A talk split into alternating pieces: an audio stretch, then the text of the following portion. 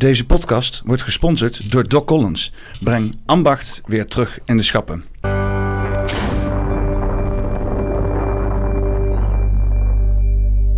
Welkom. Uh, daar zijn we dan bij poppenkast nummer 139.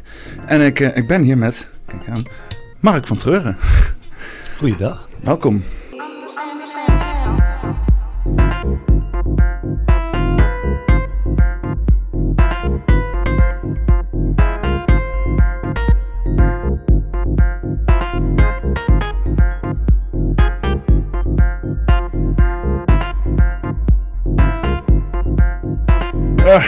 Het duurde even voordat we de boel aan de, aan de gang hebben.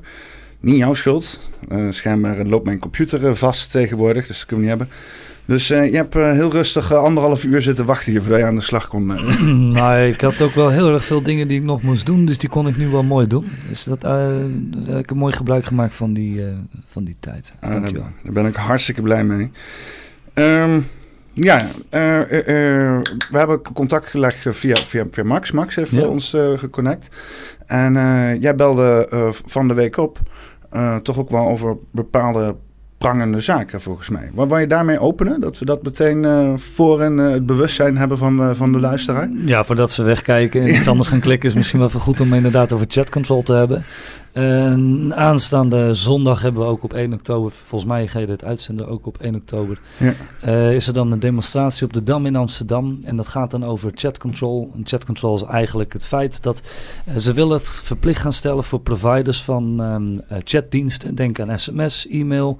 Uh, WhatsApp, uh, eigenlijk alle digitale verkeer wat tussen twee personen of meer gaat. Denk aan e-mail, sms. Uh, maar ook dat appjes die dus wel geëncrypt zijn, dat die dus dan niet meer geëncrypt mogen zijn. Of dat er een, een vorm van um, client-side scanning gedaan mag worden. Dus dat betekent dat voordat jij op send drukt en voordat de encryptie plaatsvindt, dat dan, het, ehm, dat dan op dat moment ehm, een logje gestuurd wordt naar de provider of naar de overheid. En dan wordt dat uh, ergens bewaard en wordt dat uh, gekeken of, of jij misschien geen, geen dingen erop hebt staan die iets te maken kunnen hebben met kinderporno of de verspreiding daarvan. Hm. En dat is, eigenlijk, um, dat is eigenlijk waarvoor ze het zeggen, waarvoor ze het doen. Ja, want ik, ik, kreeg al het idee dat dat soort dingen al gaande waren. Met, met die hele. Wat je in Amerika zag, dat er gigantische data gescraped werd. En uh, maar dat was nog niet zo specifiek gaande dat er op triggerwords bepaalde berichtjes, linkjes ja, naar... Dat is, al, sinds, dat is al sinds 2021, is dat al zo. Ja. Uh, juni 2021 is die wet uh, al van kracht in, in Europa. Maar dat was nog op vrijwillige basis voor providers. Ja. Dus platformen zoals WhatsApp en ook Facebook, die deden daar vrijwillig mee. En Apple die deed het al, daarvoor al. Dus dat is, um, dat, maar nu is de bedoeling dat dat dus eigenlijk uh, verplicht gaat worden voor elke vorm van chataanbieding. Dus dat inderdaad zoiets als Signal, dat dat dan niet meer fatsoenlijk meer gaat werken. Uh, zoals het eigenlijk bedoeld is. Hetzelfde geldt voor de Telegram. Uh, en een heleboel andere chatdiensten, uh, maar ook gewoon e-mails. En uh, gewoon eigenlijk alle e-mails gezien mogen worden. En opgeslagen mogen worden als er iets in staat wat iets te maken zou kunnen hebben met kindermisbruik. Ja, want kindermisbruik en, en, kinderporno is natuurlijk wel een reëel probleem. Ja. en wordt het dan hier nu de ja, toch wel emotionele lading van het onderwerp gewoon heftig misbruikt om meer, meer controle te pakken? Dat is wel zoals het lijkt te zijn. Ja, ik denk dat het een beetje paniekvoetbal is. Um, uh, maar wat je wel ziet is dat er een hele, uh, hele grote lobby is met miljoenen euro's uh, die bezig is om, ja, om de parlementen in Europa om die te beïnvloeden. om dit dus aan te nemen. En het interessante ook is, als je een beetje dat gaat uitzoeken, dan kom je uit op een bedrijf dat heet Forn. En die, ehm, die is een van de investeerders daarvan is hoe heet die gozer ook weer van de 70s show?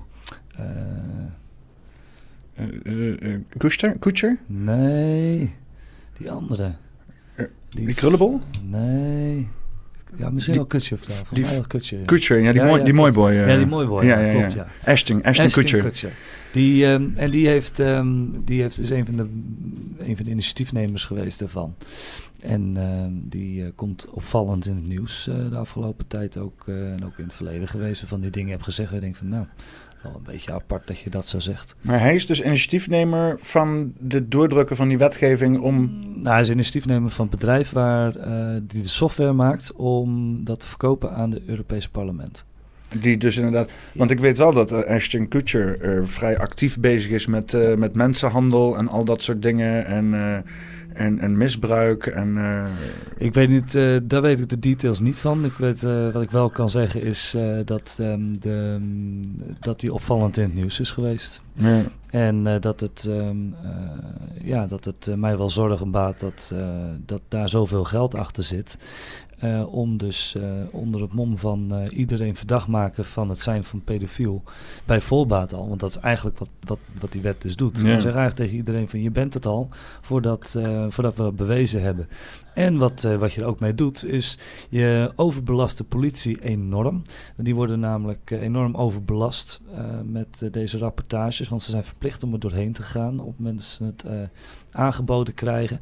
Dus een gigantisch groot, het gaat echt om 80, 86% van de capaciteit in Zwitserland bijvoorbeeld, die gaat hier ook gaan aan op.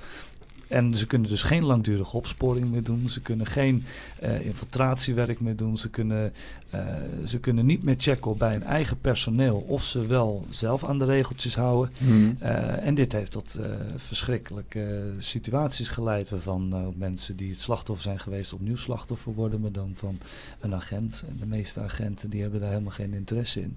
Maar er zit af en toe er wel eentje tussen. En dan kun je dus niet op handhaven. En dat is gewoon een probleem. En los daarvan uh, ontstaat er uh, ook de situatie dat bijvoorbeeld als een arts een foto maakt van een kind uh, die ontbloot is op een bepaalde manier voor medische doeleinden en dat wordt opgestuurd digitaal, dan wordt dat ook gevlacht als kinderporno. En uh, heb je dat probleem ook als jij uh, fotootjes of video's maakt van je, van je kinderen die in een pierenbadje aan het spelen zijn of op het strand en je stuurt het naar een familielid, ehm, dan wordt dat ook gevlacht op die manier. er zijn gewoon mensen in de rechtbank beland om dit soort dingen. minderjarigen die aubergines naar elkaar sturen en dan of andere dingen van die, van die contraien, die uh, worden dan ook op een gegeven moment verdacht van iets. En het is gewoon heel erg vervelend als jij gewoon helemaal niks gedaan hebt, je bent niet onschuldig aan het doen. En je, bent, je wordt dan vervolgens verdacht van iets wat je helemaal niet gedaan hebt. Dat heeft behoorlijke gevolgen. Want je hele omgeving, die hoort namelijk van alleen dat die verdenking er is. Iedereen denkt, waar rook is, is vuur. En je bent gelijk ben je af voor de rest van je leven, terwijl je niks gedaan hebt. Nee, je ziet het, dat met, met bijvoorbeeld nu een, eh, een, een Russell Brand die dan beschuldigingen uh, krijgt gedaan. Los of het waar is of niet. Uh, iedereen is al helemaal. Het is nu in de media. Ik heb nu al Lubach twee keer een grap erover horen maken. Uh, insinuaties van. Uh, oh, Vieserik is Russell Brand. alleen dat weten dan, we nog niet zeker. Nee, nee, ja, dat is allemaal. Het zijn zelfs. Want je kan zeggen van. Nou, oké, okay, je hoeft geen rechtszaak te, te, hebben om te weten waar je staat. Maar er is letterlijk geen bewijs. Ze hebben alleen maar anonieme beschuldigingen. Ja. gebruik gemaakt van bewijsmateriaal dat lijkt gerecreëerd te zijn. Maar ja, iedereen die heeft al zijn mening klaarstaan. Dus, dus, ik snap wel dat. Ja, er is gewoon politieke moord gepleegd. Ja, en als het waar is, dan is het, steeds meer. Als het waar is, dan is het terecht, maar dat weten we nog niet. En nee. we zitten in een rechtsstaat waarvan je eerst moet bewijzen dat je inderdaad wat gedaan hebt. En dan pas word je veroordeeld en niet op deze manier al uh, publiekelijk aan de schandpaal gezet. Ja, en dan kan je zien hoe desastreus het kan zijn, zeg maar, als ja, uh, gewoon uh, als dingen gemisinterpreteerd worden of misbruik ja. nog erger van gemaakt kan worden en wat ook al gebeurt. Dus. Er zijn voorbeelden van, van mensen in de politiek waarbij dat gedaan is natuurlijk uh, de, waarvan we gewoon nog niet zeker weten of dat wel zo is. Ondertussen wordt er wel alle schijn van gemaakt dat het wel zo is. Worden mensen uit hun functie gezet. En je hoort daarna niet uh, hoe het daarna afloopt. Mensen zijn dan ook zat, hè, want die merken ook gewoon: oké, ik heb deze verdenking gekregen. En uh, hebben dan vanaf dat moment al uh, geen zin meer om dat te gaan doen. Je moet je voorstellen, je hebt eigenlijk de hele wereld tegen je op dat moment. Hè? Want iedereen gelooft het al. En zeker als het een keertje in de krant hebt gestaan het doet echt wat met mensen. Ja, ja. Um, ja want uh, je bent lijsttrekker ja, van, van de, uh, de, de, Piratenpartij. Ja, van de Piratenpartij en de Groenen. We hebben dus een uh, samengestelde lijst. Uh, het is een, lijkt een beetje op wat de Partij van de Arbeid GroenLinks heeft gedaan. Alleen dan, ja, natuurlijk geen Partij van de Arbeid GroenLinks. Nee. nee. um, ik, ik heb in de, in, de, vorige ronde heb ik op jullie gestemd. Op de Piratenpartij. Ik weet niet of het toen al...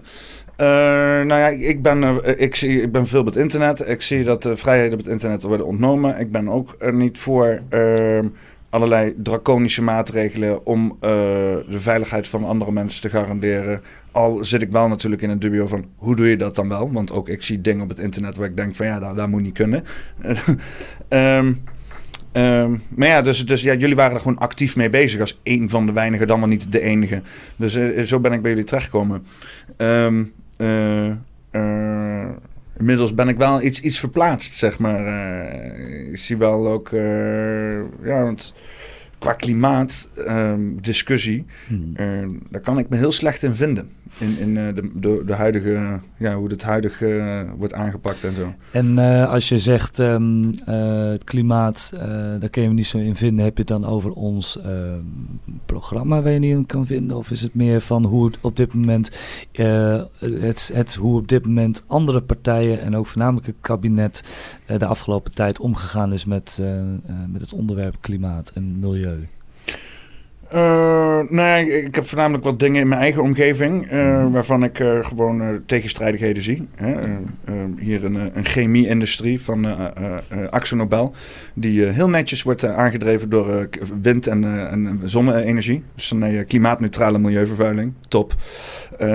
ja, ondertussen worden er dan hier zwarte koolcentrales gesloten. Mijn vader heeft in die koolcentrale gewerkt, mooie centrale was dat, heel duurzaam voor een koolcentrale. Hoogstwaardige kool werd daar verbrand, filters erop.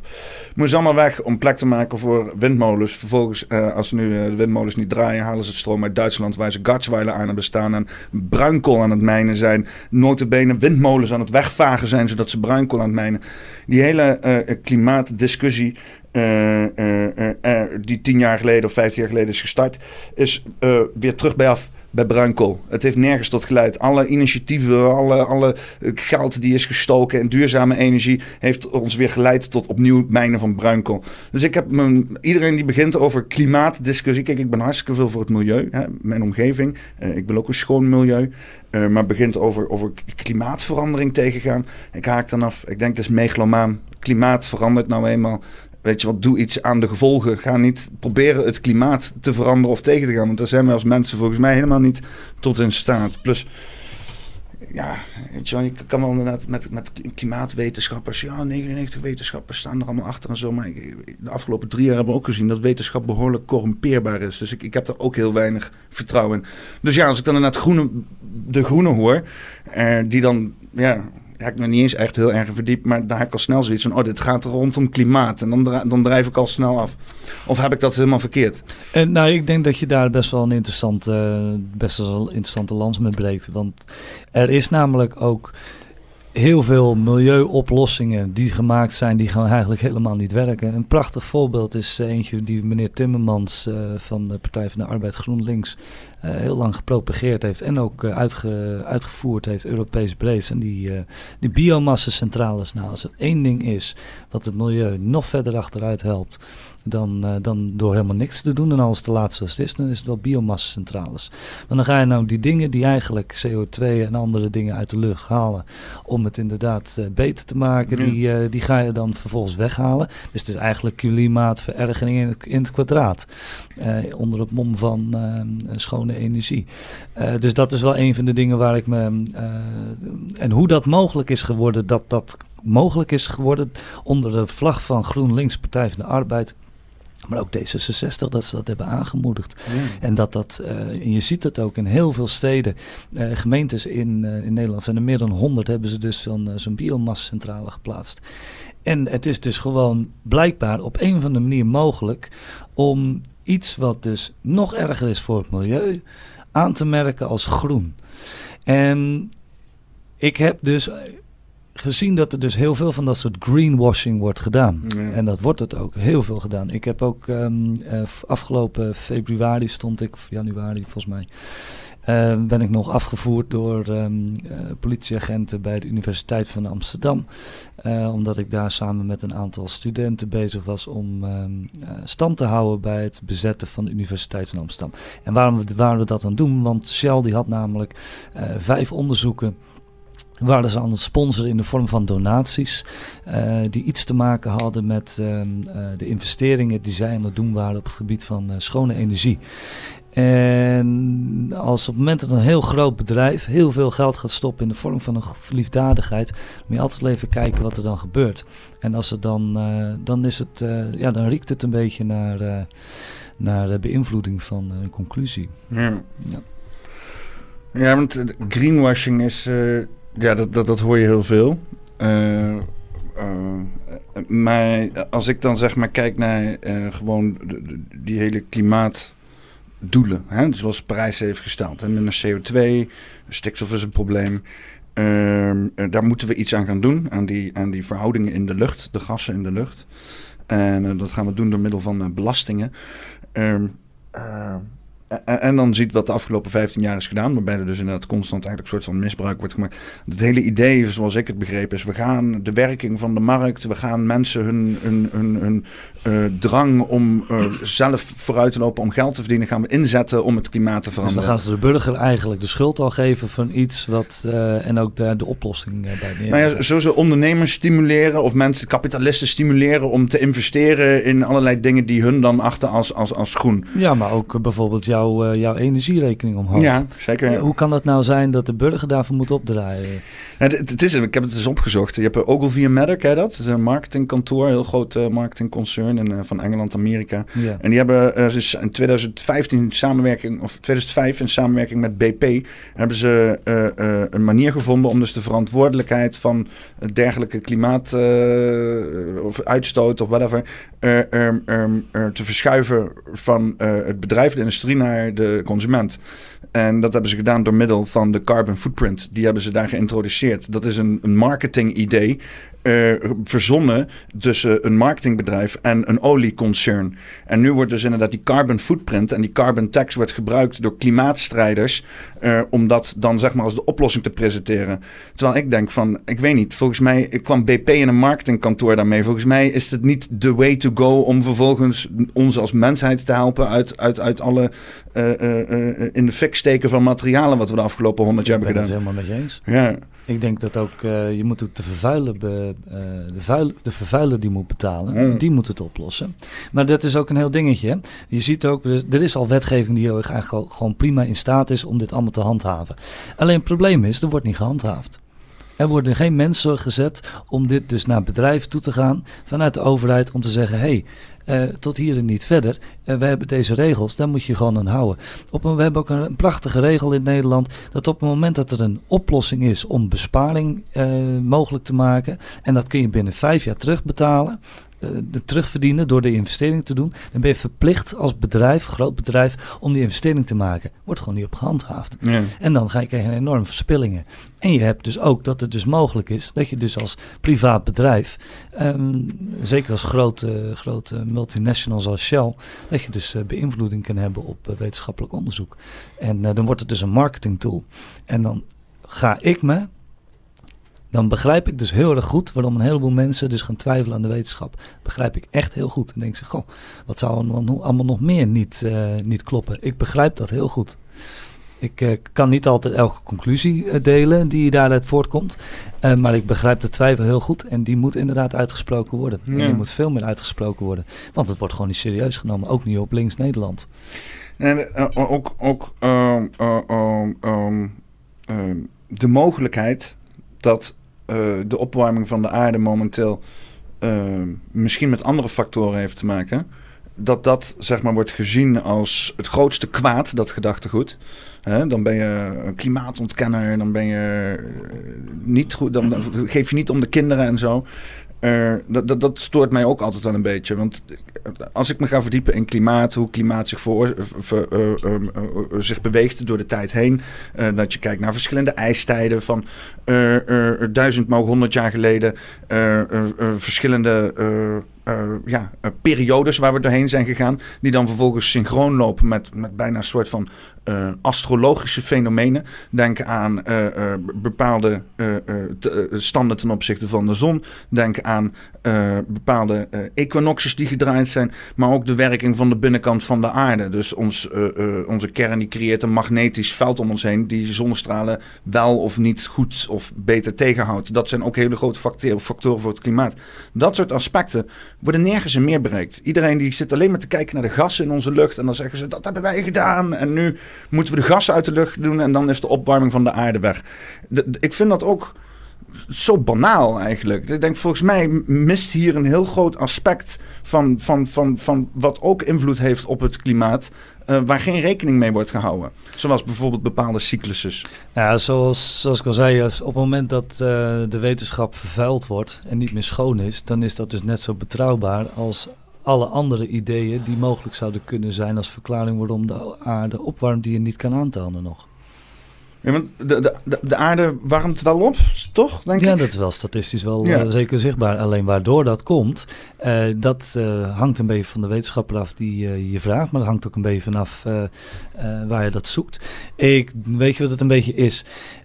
als je nu bedenkt aan de afgelopen 150 jaar hebben we een gigantisch grote hoeveelheid um, opgeslagen olie die in de aarde zit, die in de afgelopen honderden miljoenen jaren daar zijn in opgeslagen. Dan moet je je voorstellen dat er dus honderden miljoenen jaren dieren en planten dood zijn gegaan, zijn gaan rotten en daar de laag voor laag opgebouwd aan koolstof uh, in, die, uh, in die grond opgeslagen zit in de vorm van vloeistof, olie in dit geval of gas. En dat zijn gigantische hoeveelheden die opgeslagen zijn over honderden miljoenen jaren. En die hebben wij even in 150 jaar even de lucht ingepompt. Ja, het, is, het, is, doet wel iets. Nou, het, het, is voornamelijk zonde. Het is zonde van al dat spul wat, wat zeg maar zoveel tijd heeft gegeven. Ja. ja. En, dan maar gewoon overal tegenaan gooien. Ja. en het probleem wat je ook nu hebt is dat uh, wij, kunnen dan in het Westen kunnen we nou net zo uh, goed bezig zijn. Maar als je eventjes wat verder over de grens kijkt, uh, daar is bijvoorbeeld in Kazachstan, daar is China bezig geweest met het boren naar, naar methaangas. En die hebben, ja, die zijn gaan boren. Die kwamen erachter dat het toch allemaal niet helemaal ging. En hebben dat gewoon lekker open laten staan. Dus er komen nu gigantische hoeveelheden methaan, komt er gewoon de lucht in. En methaan is bijna net zo erg als CO2. Komt de lucht in, dus dat, gaat... erger, toch? Zeg uh, ja, dat hangt een beetje vanaf hoe je, welk gedeelte je hoe. Uh, waardeert. Uh, kli de klimaatwetenschappers die zeg maar op dit moment waarop een heleboel uh, beleid wordt gebaseerd, om het zo maar even te zeggen. Uh, die uh, beschouwen CO2 even schadelijker dan, dan methaan. Maar het is echt wel heel erg schadelijk. En het probleem wat je dus nu ook krijgt, is dat dat gaat niet gedicht worden. Want dat is namelijk dat is een soort van koloniaal bezit van de Chinezen. En die dat krijg je ook niet meer dicht. En zelfs hè, als we nu met z'n allen zouden gaan stoppen met. Um, met onze uitstoot en alleen China gaat door, dan uh, zijn we ook fucked. Dus we zijn nu echt bezig met damage control, dat is wel zo. En dat, um, uh, ja, los van het feit dat er een heleboel andere factoren mee zouden kunnen spelen bij het opwarmen van de aarde, wat ik uh, zeker niet uitsluit als mogelijkheid, maar nog lastig vind om dat aan te tonen, is dit het enige waar we controle over hebben. Ik heb, ik, heb wel, ik heb wel één opmerking over, over de, de, de wetenschappers, die, uh, en dan vooral de wiskundigen die de, de, de berekeningen doen met de opwarmen van de aarde. Mm. Uh, ik heb gehoord van, uh, ik volg dan uh, mijn eigen klimaatwetenschapper, hè, waar ik me goed bij voel. is Diamond van de Oppenheimer Project. die, die, die, is, ja, die zit daar bovenop. En die had iemand te gast en die legde mooi uit hoe zeg maar, die rekenmodellen worden gedaan. En uh, hoe dus de opwarming van de oppervlakte van de aarde wordt berekend, dat wordt gedaan aan de hand van modellen die vanuit gaan in de berekening dat de oppervlakte vlak is. Hè? En dan doen ze dat per stuk berekenen. Dus eigenlijk mogen we klimaatwetenschappers die die berekeningen hanteren officieel flat earthers noemen. Die vind ik wel heel leuk. ik, vind, ik moet er wel om lachen. Ik vind hem wel grappig. En hij gaf dus uiteindelijk van... je hoort dat te berekenen met een bolling... en dan kom je dus op hele andere getallen uit. Maar dat is dus ook een van die manieren... waar modellen worden gebruikt... niet per se de hele realiteit weergeven. En dat gaat dan over het heilige model, wat dus de opwarming van de aarde simuleert. En ik zat dus na te denken over dus inderdaad dat broeikaseffect, wat wij verteld krijgen al sinds onze tiende. Zo. Dan komt een straaltje binnen en die ketst dan op de aarde en die wil dan weer naar buiten toe, maar die blijft dan hangen door die dikke lucht van meuk en die wordt weer teruggekaatst. Nou ja, leuk verhaal, weet je wel. Prompt komen ze dus de komende maanden komen allemaal verhalen naar buiten van uh, uh, uh, geoengineering.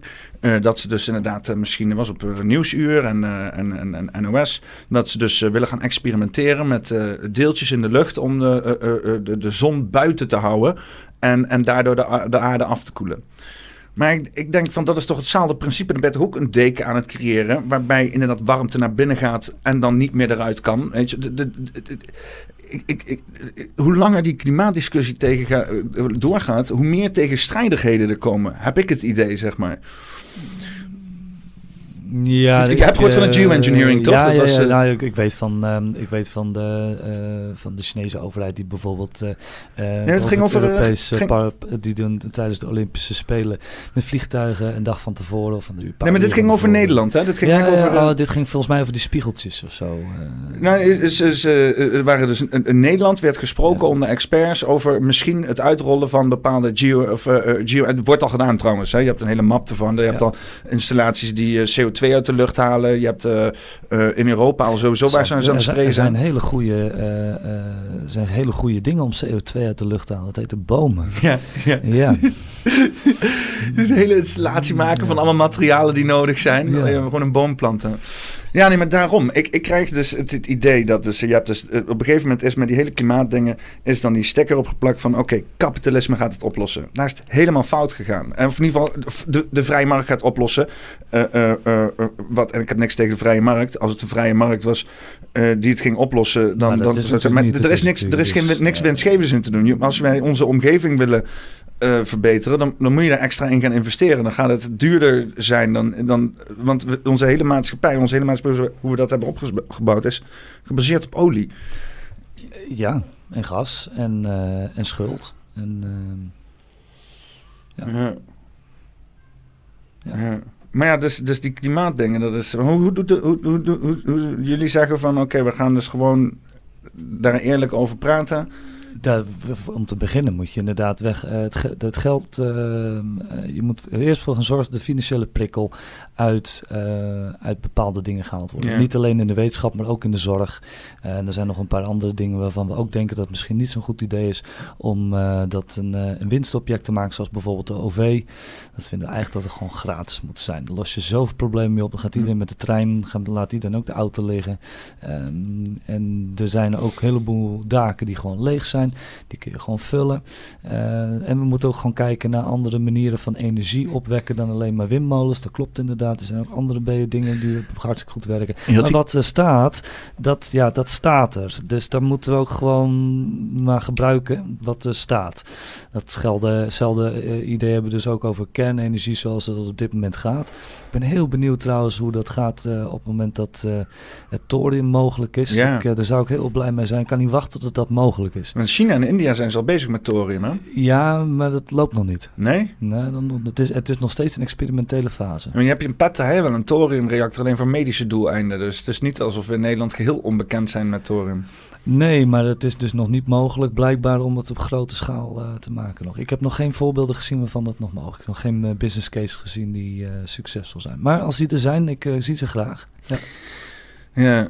Als het er is, dan is dat natuurlijk het eerste waar we natuurlijk naar gaan kijken. Ja ik, ik, denk dat we wel een. Uh, een um, en je ziet nu de hele tijd een discussie in de maatschappij. Je hebt nu ook uh, uh, God, Bob van Leftlezer.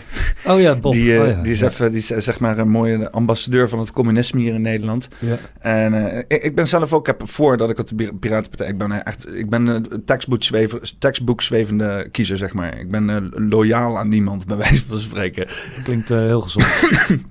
Uh, SP, daar begon ik mee. Uh, en was ook student en zo. Dus ik, ik, had ook wel zoiets van: ja, hey, staat, los eens wat dingen op.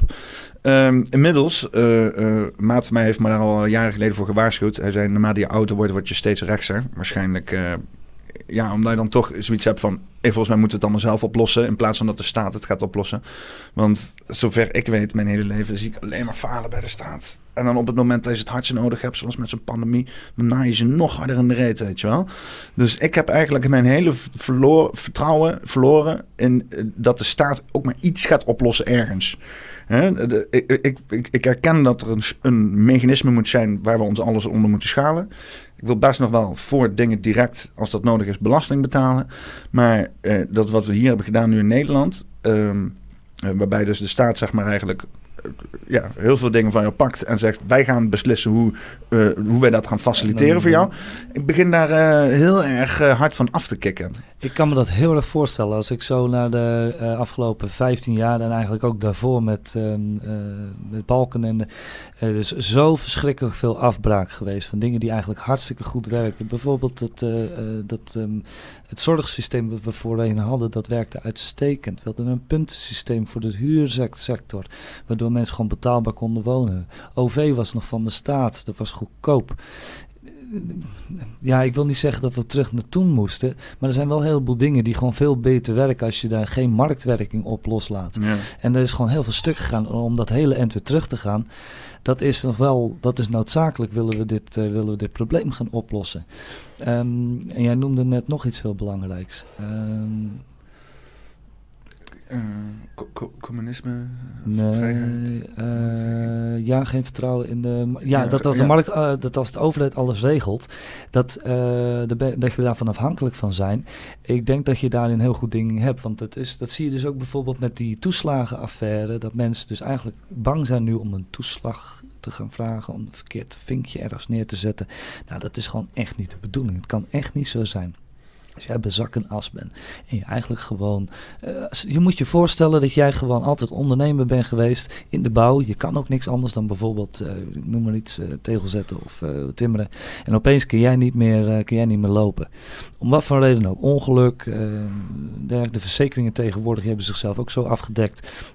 dat je precies niet verzekerd bent voor dat wat eigenlijk echt belangrijk is. Dat is echt ongelooflijk. Dus je handen niet, zeg maar, als zelfs de, zelfs de ANWB daar een voorbeeld van. Nou goed, anyways. Um, maar de, uh, dat je dan afhankelijk bent eigenlijk van een uitkering en dat je dan uh, gezien wordt als crimineel op het moment dat je probeert te overleven. Je krijgt een, wat extra geld van je ouders of je krijgt een, uh, een zak boodschappen van je, van je buren. En op het moment dat er dan uh, een fanatieke uh, belastingadviseur dat ziet of wordt doorgegeven, dan ben je de sjaak. Ja. Dat is gewoon echt, ik begrijp niet hoe dat nou mogelijk is. Echt niet. En daarom ben ik wel heel erg voorstander van het, niet dat dingen, dat je afhankelijk bent van de staat, maar wel dat dingen gefaciliteerd worden door de staat. Ik ben wel dus bijvoorbeeld wij vinden het een goed idee uh, om. Uh, er is dus namelijk een vorm van uitkering waar niemand ooit last van heeft gehad. En dat heet dus de AOW. AOW werkt fantastisch. Niemand heeft er last van. Het is onvoorwaardelijk. Het is eigenlijk een soort van basisinkomen. Die krijgen vanaf een bepaalde leeftijd. En vanaf dat moment, uh, niemand die kraait, die krijgt gewoon dat geld. En niemand. Het enige wat ze nog wel op dit moment doen met de AOW is dat, dat je dan, als je samenwoont met iemand, dat je dan daarop gekort wordt. Nou, dat moet er sowieso af. Geldt trouwens ook voor de bijstand. Tot op het moment dat je samenwoont met iemand met een uitkering of met een inkomen, word je daarop gekort. Moeten we gewoon niet doen. Dat helpt niemand, die samenwoonboete. Want daar zorgt er namelijk voor dat je afhankelijk wordt weer van elkaar. En je niet uh, op je eigen pootjes terecht kan komen. Je kan jezelf niet gaan uh, ontwikkelen. Je kan jezelf niet uh, dingen gaan sparen, zodat je op jezelf dingen kan gaan doen. Ehm, dat, je kan niet dat ene ondernemingje gaan starten. Dus wat we willen eigenlijk gaan doen, dus dat, dat is ons idee, om eigenlijk al die uitkeringen en van uh, ondersteuning van de overheid meer en meer te gaan lijken op, laten lijken op de AOB en dat AOW. En dat doe je dus door het controlesysteem af te gaan bouwen. En als wij het voor het zeggen zouden hebben uh, voor de komende vier jaar, dan zouden we dus eigenlijk uh, alle controlesystemen gaan afbouwen in, in vier jaar tijd. En uh, bedragen gaan uh, laten lijken op dat van de AOW. Zodat je dan na vier jaar eigenlijk iedereen die in de bijstand zit en die dan die, uh, een uitkering heeft, of een waar jong of een andere vorm van uitkering, dat die eigenlijk een soort onvoorwaardelijk AOW krijgen. En dan kun je daarna kun je, nog vier, vier of acht jaar bezig zijn om in fases dat ehm, onvoorwaardelijk aan iedereen te gaan geven. dus eigenlijk in feite de AOW-leeftijd te gaan verlagen naar 21 of 18. ja, dat klinkt heel interessant. En we hadden ook een ander woord voor. In plaats van de, de AOW staat voor de Algemene Ouderenwet. Uh, eigenlijk de Algemene Mensenwet zouden we ervan maken. En dat moet een onvoorwaardelijk zijn. Er moet geen controlesysteem zitten. Want kan dan erop zeggen dat uh, als uh, jij gemarkeerd wordt als terrorist dat, of anti-iets institutioneel, dat je dan in één keer gekort wordt of dat soort zaken. Ik bedoel, het gebeurde nu al tijdens de pandemie dat de overheid zich ging bemoeien met uh, blauwe tijger. Uh, ik heb daar wel eens van gehoord. Ik weet niet precies wat het is. Ja, het is van de Tom Zwitser. Dat is een boekenuitgeverij in Groningen. Oh, ja. En die houden er een uh, YouTube-podcast op na. Stevig, gaat er lekker op daar. Wordt van alles gezegd. Niet allemaal waar, maar ja, blijft internet hè. En ja, hij heeft een, een, een, door de NCTV een, een, een rapport aan zijn broek gekregen... waarin hij werd gemarkeerd als terroristische organisatie.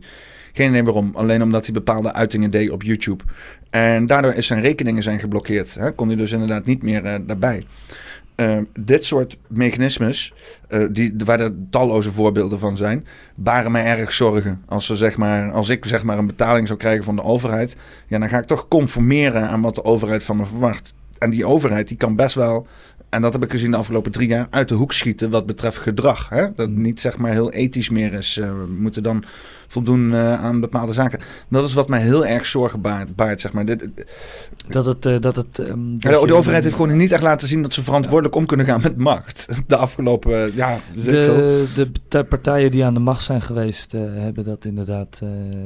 hebben het vertrouwen in de rechtsstaat enorm doen afnemen. Zo erg zelfs dat uh, dat uh, opeens zoiets als een, uh, een autoritair regime aantrekkelijk wordt. En dat vind ik, dat, dat, dat vind ik echt heel verdrietig. Dat hebben wij met z'n allen gedaan. Dat maar, maar wordt een autoritair regime aantrekkelijk? dan wordt opeens een alternatief. En vaak wordt er dan gekeken naar uh, Poetin als een uh, door uh, mensen die het echt heel erg slecht hebben in hun leven. En die denken, goh, ik word helemaal kapot gemaakt door de overheid. Nou, dan vind ik Poetin misschien wel een interessante gast. Dat vind ik heel verdrietig. Ja, dat mensen naar Rusland kijken als zeg maar een toevluchtsoord. Ja, dat vind ik heel verdrietig, ja. Ja, ja. Nou, ik, ik, ben dat man. Ik zit heel erg in, de, in, die contraire van, uh, van, van gesprekken. Maar, uh, maar uh, ja, toch wel met, met enige ont, ontzag ja, wordt gekeken naar, naar, naar wat Poetin aan het doen is. Omdat ze zo'n hekel hebben aan wat hier intern allemaal verrot is. Dat ze zeg maar liefde hebben voor de persoon die zich daartegen uitspreekt.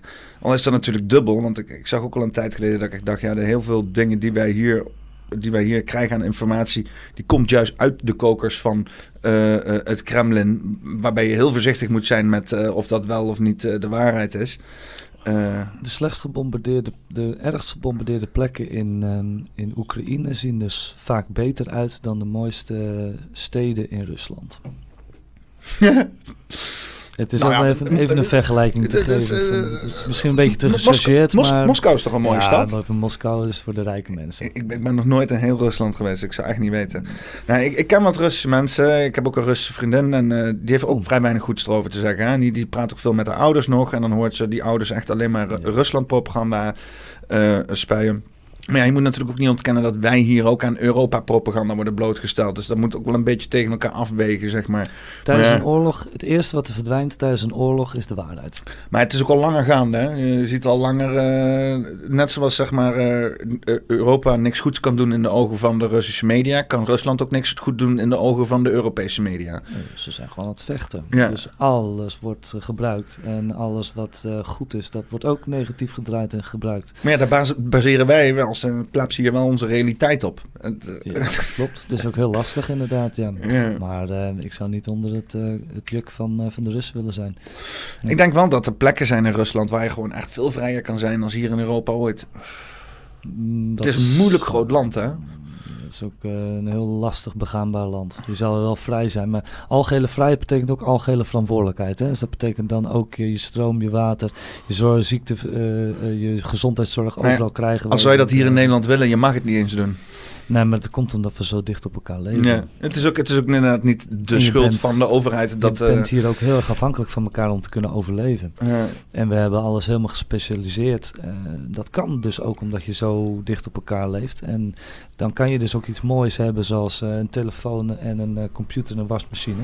Maar er zijn gewoon mensen zijn voor het Russische leger gaan vechten. Was, dat, was dat echt dat hun wasmachines kregen? Ik heb, ik, heb, ik heb vrienden in Kiev en die, die kwamen na, na een inval van...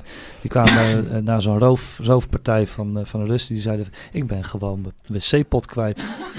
En ik ben mijn schoenen kwijt. Ja, dat is wel next en, level. Uh, dat, is, uh, dat hebben ze dan meegenomen. En, uh, en de laptop, die hebben ze dan meegenomen. Ja. ja. Ja, nee, ik, ik zit aan de andere kant ik ook wel eens. Uh, het, is ook wel, het, het, het, is, het is ook wel aan de ene kant. Uh, het zijn super twee uitersten. Dus uh, wij, wij, wij hebben hier die, die high pressure society, hoop prikkels, hoop gaande. je kan heel veel bereiken, maar daar moet je ook een hoop voor doen.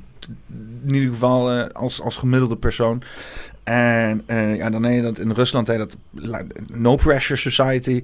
Uh, uh, gigantisch land, zoveel ruimte dat je, dat je in je eentje verdwaald raakt op je eigen terrein als het, als het moet. geen, geen, geen verdere samenhang. het ene land dit is half Japans, de andere kant van het land is Fins. Dus het, is echt, het slaat er me nergens op hoe, hoe uiteenloopt is. om dat zeg maar tegen elkaar te leggen van hoe dat dan zou moeten gaan, hoe het leven zou moeten zijn, is natuurlijk ook echt bizar zijn. Ik zit wel die filmpjes te kijken uh, en dan zie je dan... Uh, nou, het gaat dan niet over Rusland, het gaat over Azerbeidzjan of over uh, Turkmenistan... wat natuurlijk ook hè, iets over te zeggen valt, zeg maar. mensen in de natuur leven... en gewoon, ik bedoel ik niet met een lendenlap door de oerwoud heen... maar gewoon een, een blokket hebben en eigen dieren... en dan met een klein beekje dat ze, dat ze ergens hebben omgeleid... en een, een rat maken en dan gewoon een hele shish kebab staan te maken voor het hele dorp. En dan denk ik van... Wat is er mis met dat leven? Er is helemaal niks mis met dat leven. je, dat is prachtig. Dat is, dat is prachtig. Dat, is, dat, is, dat, moet je koesteren. Dat... Ja, dat is ook zo. Alleen dat kan zonder Poetin. Zeker. Okay, zeker nou, laten we daarover eens zijn. Ja, ja. Nee, maar denk je als je Poetin weghaalt dat er iets beters terugkomt? Helemaal, eh, denk je als Amerika ervoor zorgt dat Poetin wegkomt, denk je dan dat er iets beters voor terugkomt? Nee, dat moeten de Russen zelf doen. Ze moeten zelf willen dat ze niet, uh, dat ze niet door een dictator, eh, ja, ik noem het een dictator, um, dat die dat die dus alles gaat bepalen. En dat je dus niks zelf mag denken en niks zelf mag zeggen. En um, dat je niet het vermogen mag hebben om het beter te maken voor je landgenoten door hoger op te klimmen in de politiek of in het bedrijfsleven. Tenzij je exact doet wat er gezegd wordt.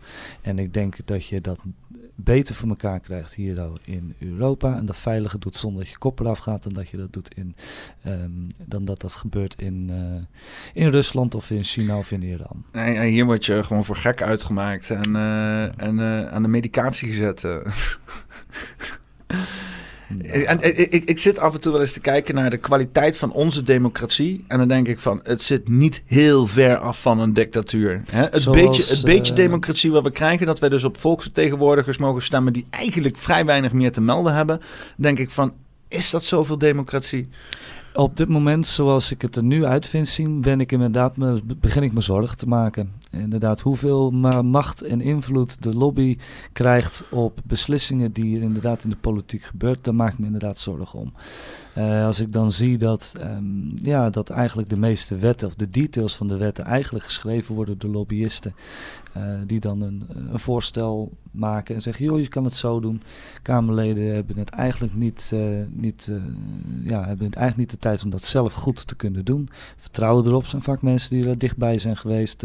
ook tijdens de campagne en in de tijd dat ze ondersteuning hebben gekregen van die mensen. Uh, op bepaalde dossiers en bepaalde ehm, portefeuilles. Ja, dan, dan dat, dat, die vermenging, dat is, inderdaad, dat is inderdaad zorgelijk. En daarom is het. Maar wij moeten met z'n allen heel erg goed gaan begrijpen dat op het moment dat um, het kapitaal zich te veel gaat bemoeien, te veel gaat bemoeien met wat de burgers gaan beslissen over hun eigen land, dat het dan fout gaat. En dan gaat het, wordt het op een gegeven moment wordt het onbetrouwbaar. Dan krijg je inderdaad dat wetenschap niet meer wetenschap wordt, maar een marketing tool.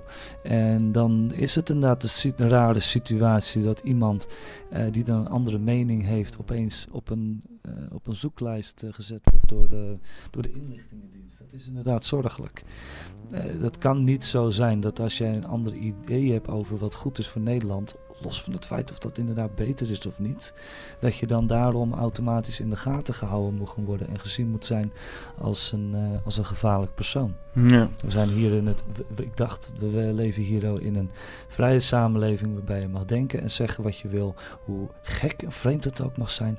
Er zijn mensen en die gaan naar een gebouw toe en dan komen ze met z'n allen bij elkaar en die gaan dan, uh, en die gaan dan uh, bidden naar iemand die ze nog nooit gezien hebben. En ze hebben allemaal verschillende verschillende soorten versies daarvan. En maken er ruzie over. Dat mag ook. Eh, dus je mag ook allemaal verschillende uh, versies hebben over wat jij denkt dat het beste is voor, uh, voor Nederland. Excuses hoor. Ik heb even last van een, een piepje. Zo.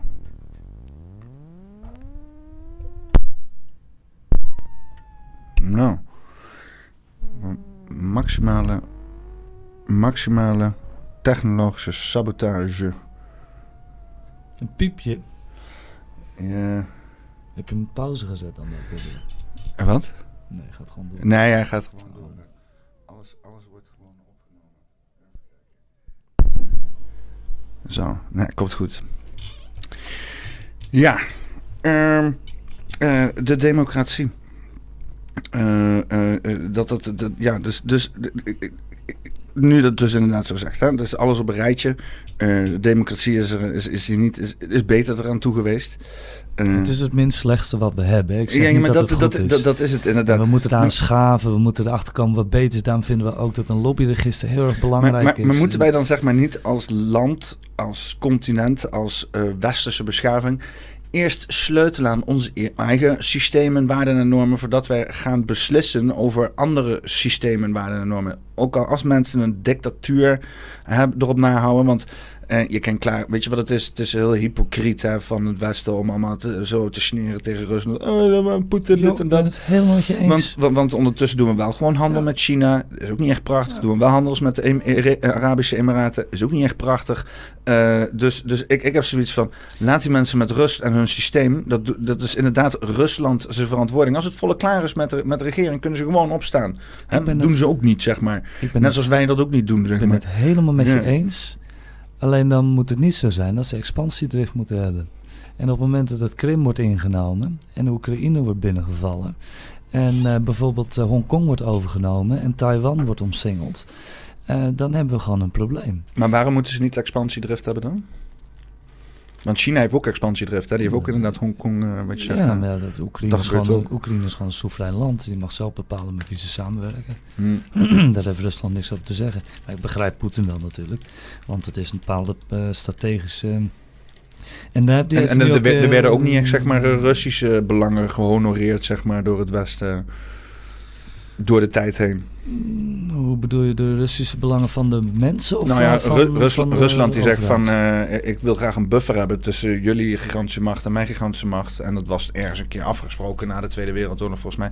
Mm. En dat verzoek is nooit gehonoreerd. En niet zeg maar openbaar, zo van nee we gaan dat niet honoreren. Ja, maar, maar, gewoon een uh, beetje sneaky zo de hele tijd meer pakken, meer pakken, meer pakken. Ja, maar weet je wat het is? Als jij, uh, heb jij wel eens een vriendinnetje gehad of een vriendje of wat dan ook. En, en dan gaat het uit, dan ga je toch ook niet tegen je vrienden zeggen van nou ik wil niet dat je met haar omgaat hoor, de rest van je leven. Want uh, daar kan ik niet zo goed tegen. Nee, maar dat is toch hetzelfde. Dan ga je eigenlijk tegen iemand anders zeggen dat, je dat, uh, dat zij niet met andere mensen om mogen gaan. Dat jij dan daarmee mag bepalen. Maar, Omdat ze onder zijn, zijn, onderdeel zijn geweest ooit van de Sovjet-Unie. betekent niet meteen dat ze niet onderdeel mogen zijn. Zijn een soeverein land. Maar wat is dan het, maar, wat is het verschil tussen Amerika, die dan uh, ook uh, landen binnenvalt, annexeert, een eigen regime daar neerzet voor eigen belang, uh, uh, Afghanistan, Irak, uh, Syrië, Libanon. de lijst gaat maar door. Dus dat gaat door tot aan de Tweede Wereldoorlog. Helemaal via Zuid-Amerika, Azië, terug naar Europa. ook Nederland trouwens hebben ze ook CIA-interventie gehad.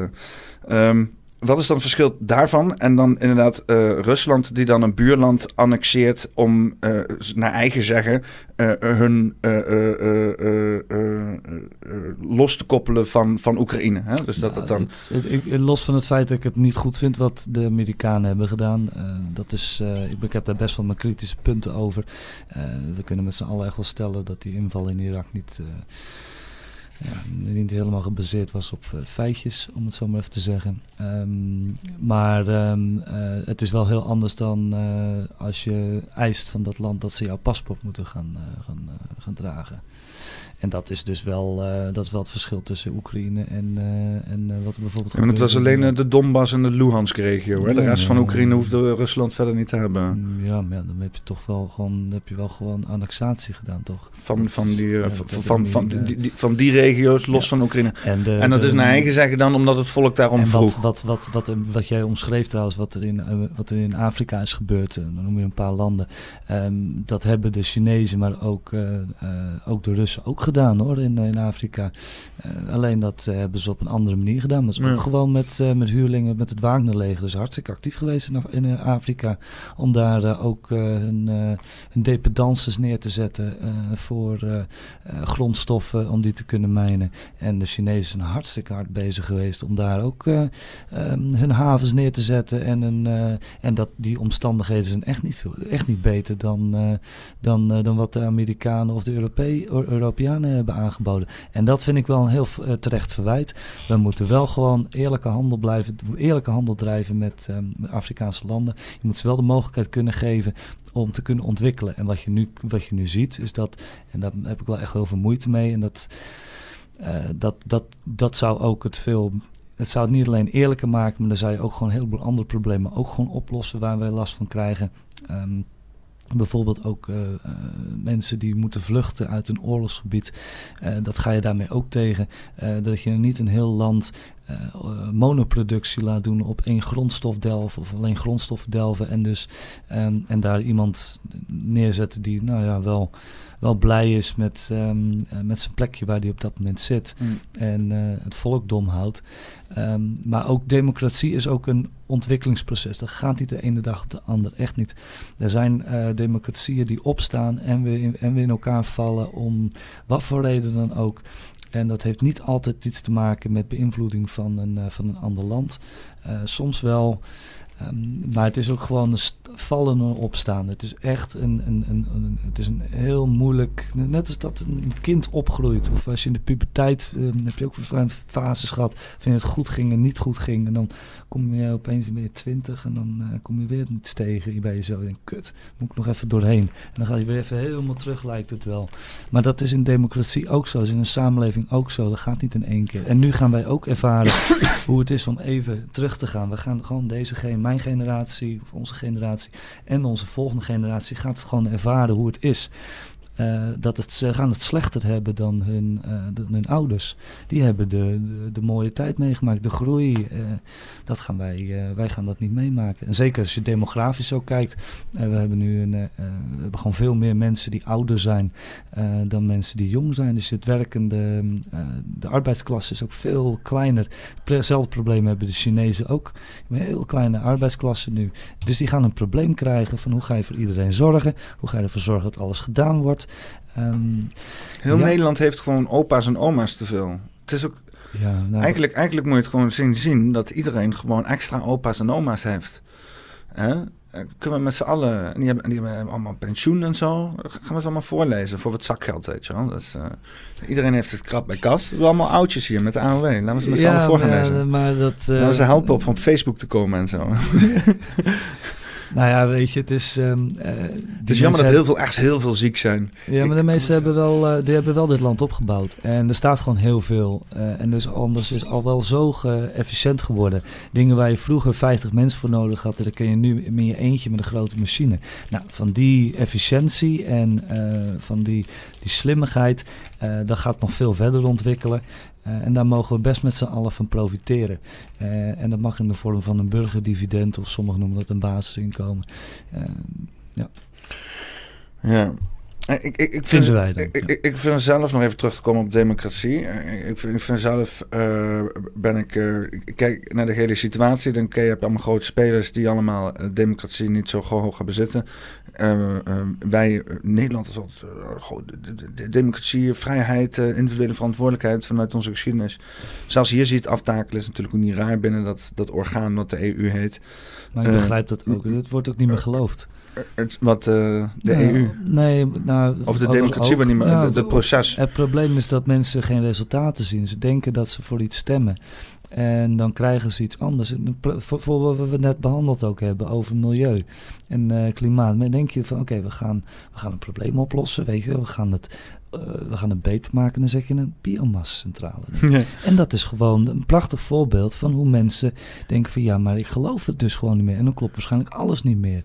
En als er dan ook nog eens zo'n crisis komt, zoals de coronacrisis, en er worden dan maatregelen genomen waarvan je denkt van, hmm, ik weet niet of sommige wel een goed idee zijn, of dat eigenlijk wel mensenrechten schaadt. Um, dat, uh, en dat daar, um, dat daar uh, ook een beetje willekeur in is. De ene mag het wel, de ander mag het niet. Dan, dan kan ik me heel goed voorstellen dat je ook je privacy echt wordt geschonden. Dat jij moet laten zien of je wel gezond bent of niet. Of je ergens naar binnen mag met zo'n QR-code. Um, ik, ik, ja, en dat die persoonsgegevens allemaal worden opgeslagen ergens en dat dat vervolgens binnen een paar weken gewoon allemaal op straat ligt. Ik, ik, ik kan niet geloven dat dat gebeurd is. Nog zo'n reden waarom chat dat tegen te houden zo verschrikkelijk belangrijk is. Alles wordt namelijk opgeslagen op een database, wat eigenlijk best wel makkelijk te hacken is. Het is gewoon een goudmijn voor elke pedofiel die een beetje handig is met een computer. Wat? Waarom? Nou, omdat daar namelijk wel alle foto's en video's worden opgeslagen die aangemerkt zijn voor mogelijk kinderporno. Ben je gewoon je eigen, eigen, eigen pedoserver aan het uh, volpompen? Eigenlijk, uh, eigenlijk ben je dat zelf aan het Kosten van de staat. Ja. Ja. Ja, maar ja, dus je hebt inderdaad, wat is het, wat is het re remedie? En in mijn optiek is meer democratie. Meer, radicaal meer democratie. Ja, ja, echt veel meer democratie. Dat betekent dat we inderdaad ervoor moeten zorgen dat je veel meer inspraak gaat krijgen. En dat betekent ook, en ik denk ook de situatie zoals die nu is, is zo erg geworden dat mensen ook gewoon echt een heel duidelijke mening hebben over dingen. Maar er moet wel naar geluisterd worden, maar er moet ook een mogelijkheid komen om daar naar te luisteren. Maar dat betekent ook dat we met z'n allen moeten gaan lezen en gaan begrijpen hoe democratie werkt. Um, hoe dat op dit moment werkt en hoe we het beter willen hebben.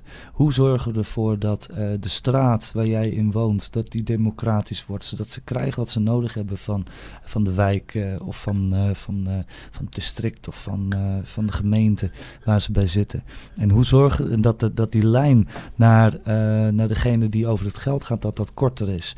Um, dat, het moet democratisch, het moet zoveel democratische. Nou, we hebben, we hebben een prachtige tool ook. Uh, Priority First, dat is, uh, wordt ook veel gebruikt in IJsland. Um, je kan dat digitaal, kun je dat doen. Um, je kan dat ook in de vorm van face-to-face, -face, kun je dat doen. waarvan je dus inderdaad wat topics of problemen aan, op tafel legt en met z'n allen. En daar eens over gaan praten. Van hoe willen we dit? Hoe, hoe is het nu? Zijn we er blij mee? Nee. Willen we dat het anders is? Ja. En wat is dan beter? En dat je dat daarover gaat praten van wat is dan de betere optie? Hoe zien we voor ons dat dat beter gaat worden? Wat, wanneer is het beter? En vervolgens als je daar een beetje uh, overeenstemming hebt van hoe gaan we dat voor elkaar krijgen? En dan kun je dus naar de gemeente toe gaan en zeggen van joh, dit is het plan. En daar zou een gemeente, zou dat faciliterend moeten zijn en niet dik, niet dicterend. En daar, dat is denk ik ook het um, uh, waar je eigenlijk heen wil. De meeste mensen en de meeste wijken, de meeste straten, de meeste. Uh, die weten wel wat ze willen, weten wel wat, wat, wat, wat, wat goed voor hun zou zijn, voor hun wijk. Faciliteer dat dan dan ben je eigenlijk ben je, uh, dan ben je, ben je in plaats van ben je aan het vertellen tegen iedereen hoe het allemaal zou moeten, uh, ga je dus mensen helpen om dat te geven wat ze nodig hebben om hun leven beter te maken volgens hun. Ja. Dat bedoel je toch? Ja. Ja, okay. ja. ja dat, dat, gewoon lokaal. Uh, ja. Maar dat het dus ook mogelijk wordt gemaakt. Hè? Dat als je inderdaad iemand helpt en zo, dat die daarvoor wordt bestraft. En ja. dat er allemaal belastingen overheen worden geheffen of weet ik veel wat. een lintje moeten krijgen. ja. Maar, ja, ook alternatieve woonvormen zijn ook heel belangrijk. Weet je, als iets als een ecodorp of uh, je hebt van die, uh, van die plekken die dan uh, vaak door krakersgroepen. Waarom zou je dat niet gewoon kunnen faciliteren? Er zijn hartstikke veel panden leeg. En uh, die zijn hartstikke veel mensen die op dit moment dakloos zijn of uh, in een woonsituatie zitten waar ze liever niet in willen zitten dat, dat kun je gewoon mogelijk maken. Alleen dat betekent wel dat je bestemmingsplan moet gaan versoepelen.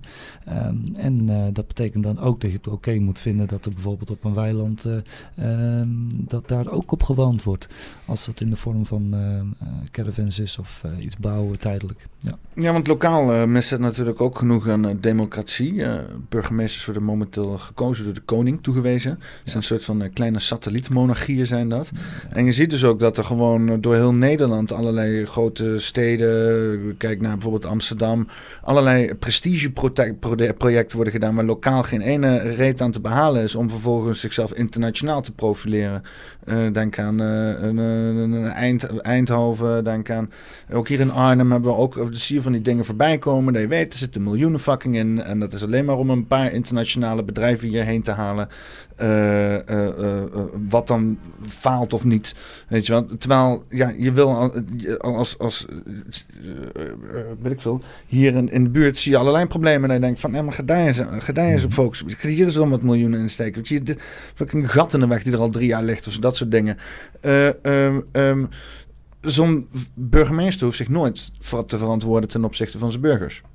Nee, het is een symbool, uh, symbolische functie. De burgemeester? Dat is een symbolische functie, ja. Die, die, die, beslist niks nergens niet over. Eigenlijk niet. Hij kan wel een noodsituatie afroepen samen met de veiligheidsdriehoek. Ja, klopt inderdaad, maar dat is de veiligheidsdriehoek die, hem, die vraagt aan de burgemeester om dat te doen.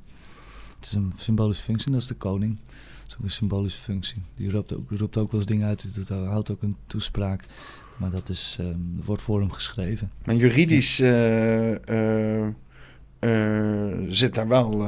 Ja, dat klopt inderdaad, ja. En, en, en, en, het is wel, want ik krijg het hele te horen van, want ik zie dan alle dingen, hoofd van de Raad van de Staat en zo. En ik denk van, nou, dat is dan wel waar het gefinaliseerd moet worden. Hè? Mm -hmm. En dan kan je zeggen van, ja, hij is dan alleen maar een poppetje, dat wordt voor hem geschreven, want er zit een team achter. Maakt me niet uit. er zit iets achter wat wij niet kunnen zien. Ja. er zit iets achter wat schijnbaar nog definitiever is, waar wij zelf over gaan als het volk. Mm -hmm.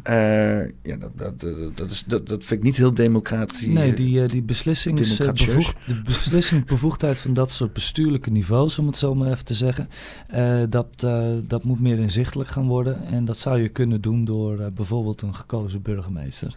Ja. Dat zou best kunnen. Ja. Ik denk dat best een dat is ook inderdaad um, een partijprogramma geweest in de meeste gemeentes waar wij mee hebben gedaan de gemeenteraadsverkiezingen. Ja, ook in Nijmegen was dat ook echt een, een ding. Ja. Hmm. De Piratenpartij is natuurlijk uh, toch ook wel in het leven geroepen vanwege internet en computers en dergelijke. Ja. Dat is ook wel een beetje waar het piraatgedeelte vandaan komt. Hè? Dus, Copyright. Uh, ja, dat, ja. Uh, de, de, Pirate Bay. Dat is nou intellectual property. ja. Octrooirecht. Ja, ja. Is, is, is dat nog steeds... ja, zeker. hoe verder ik het leven in ga, ik ben nu iets meer, probeer het leven iets spiritueler te zien, en dan kom je ook op dat, dat inspiratie, ideeën ook maar dingen zijn die in de lucht hangen. Weet je wel, waar je een soort van doorheen loopt of zo. Uh, en uh, ik vind dat inderdaad het eigendom claimen op dingen die eigenlijk. ja, gewoon ja, dingen die tot je komen, zeg maar. ja, dus ik, vind dat, ik vind dat waanzin. Ik vind dat, volgens mij gaat het ook progressie ten slechte, zeg maar. Ja, want er zijn een heleboel dingen die worden geclaimd, ideeën of concepten. En uh, een heleboel creativiteit is gebaseerd op bestaande creativiteit. En een heleboel van dat soort bestaande creativiteit, dat is eigendom van iemand en dat mag niet ergens in voorkomen. En dat uh, belemmert eigenlijk het vermogen om nieuwe dingen te kunnen verzinnen. En dat is jammer. Dat is gewoon echt heel jammer. Uh, bepaalde memes kan je bijvoorbeeld dan niet uh, maken. Of uh, bepaalde muziek kan je dan niet maken. Of je kan bepaalde... Ik weet nog vroeger mastermovies. Volgens mij is dat ook wel moeilijker geworden om zoiets te doen. Weet je al. Het wat hartstikke leuk was. Mastermovies was fucking geniaal. Ja, dat was geweldig. ja. En dat is wit. Nee, maar uh, uh, leeft dat nog steeds? In ja, en je ziet, um, je ziet ook de problemen zie je nu ook in, in het buitenland. Ook op het moment dat er ergens protesten zijn. dan de politie die is aanwezig, die wil nog wel eens muziek gaan afspelen waar copyright op staat, zodat het dan niet geüpload kan worden op YouTube. Meen je niet? Ja, uploadfilters, dat is echt een probleem, joh. We, we zijn er twee jaar geleden zijn we daar keihard mee bezig geweest, maar het is gewoon nergens terechtgekomen. Ja. Van ons doodzonde. Dat, dat is vernuftig zeg, jezus. Ja, maar dat gaat nog veel verder, dit soort dingen, joh. En dan wordt het zo meteen nog wel erger. Daarom is het zo belangrijk dat we dus weer dat gedachtegoed uh, van die piratenpartij moet gewoon echt... We, moet, we hebben echt, echt een echt een zetel in de Kamer nodig. Want we hebben nu wel vier in het Europees Parlement. Dat is eigenlijk ook niet genoeg, maar dan heb je in ieder geval wat te zeggen. Je wordt in ieder geval een keer gehoord. Want er zijn genoeg mensen, dat merken we ook in, het, um, in de stadsdelen in Amsterdam, waar we dus zitten. Um, er zitten genoeg mensen in, het, in de raad of in zijn commissie eigenlijk te luisteren om te luisteren uh, of zelf iets te denk, bedenken wat de burgers nodig hebben. Wij hebben het wel, komen met ideeën, denken oh, dat is wel een goed idee, ja, doe maar. Uh, want ze hebben zelf, komen ze niet echt met iets.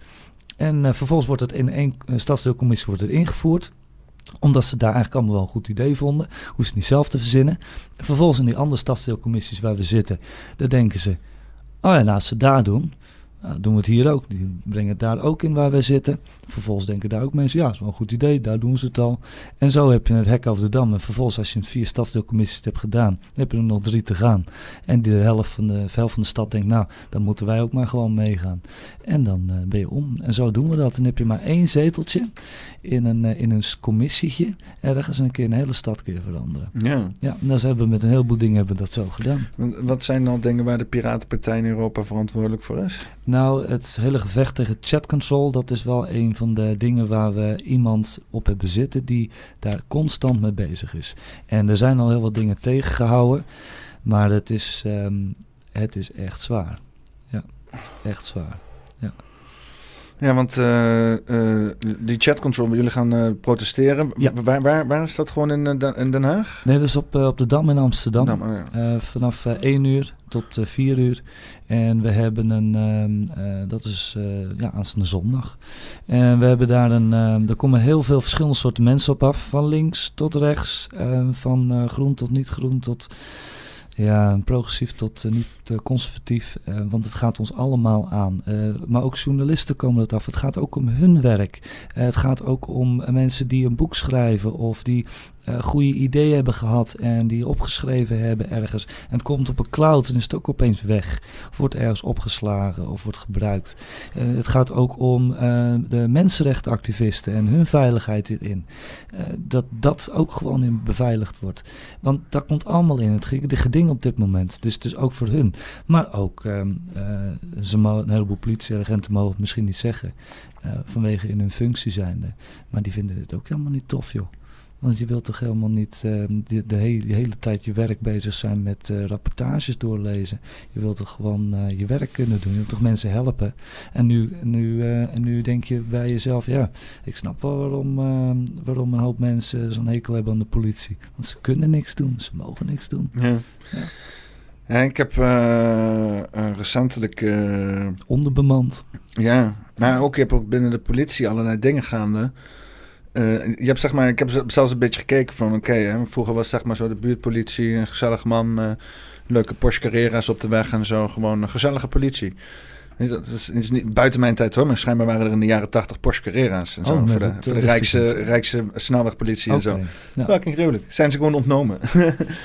um, nu zien ze het een beetje als militanten. Ja. Nou ja, ja op, de, op, de, op de snelweg zijn die Volvo's. Mm. Ik weet niet of dat nog steeds zo is trouwens. Maar ja, maakt niet uit. Ja, uh, het gaat erom, in een reeks van drie of vier uh, pogingen, allemaal onder leiding, of in ieder geval de laatste drie onder leiding van Erik Akerboom, nu momenteel uh, hoofd ah, ja. van NCTV.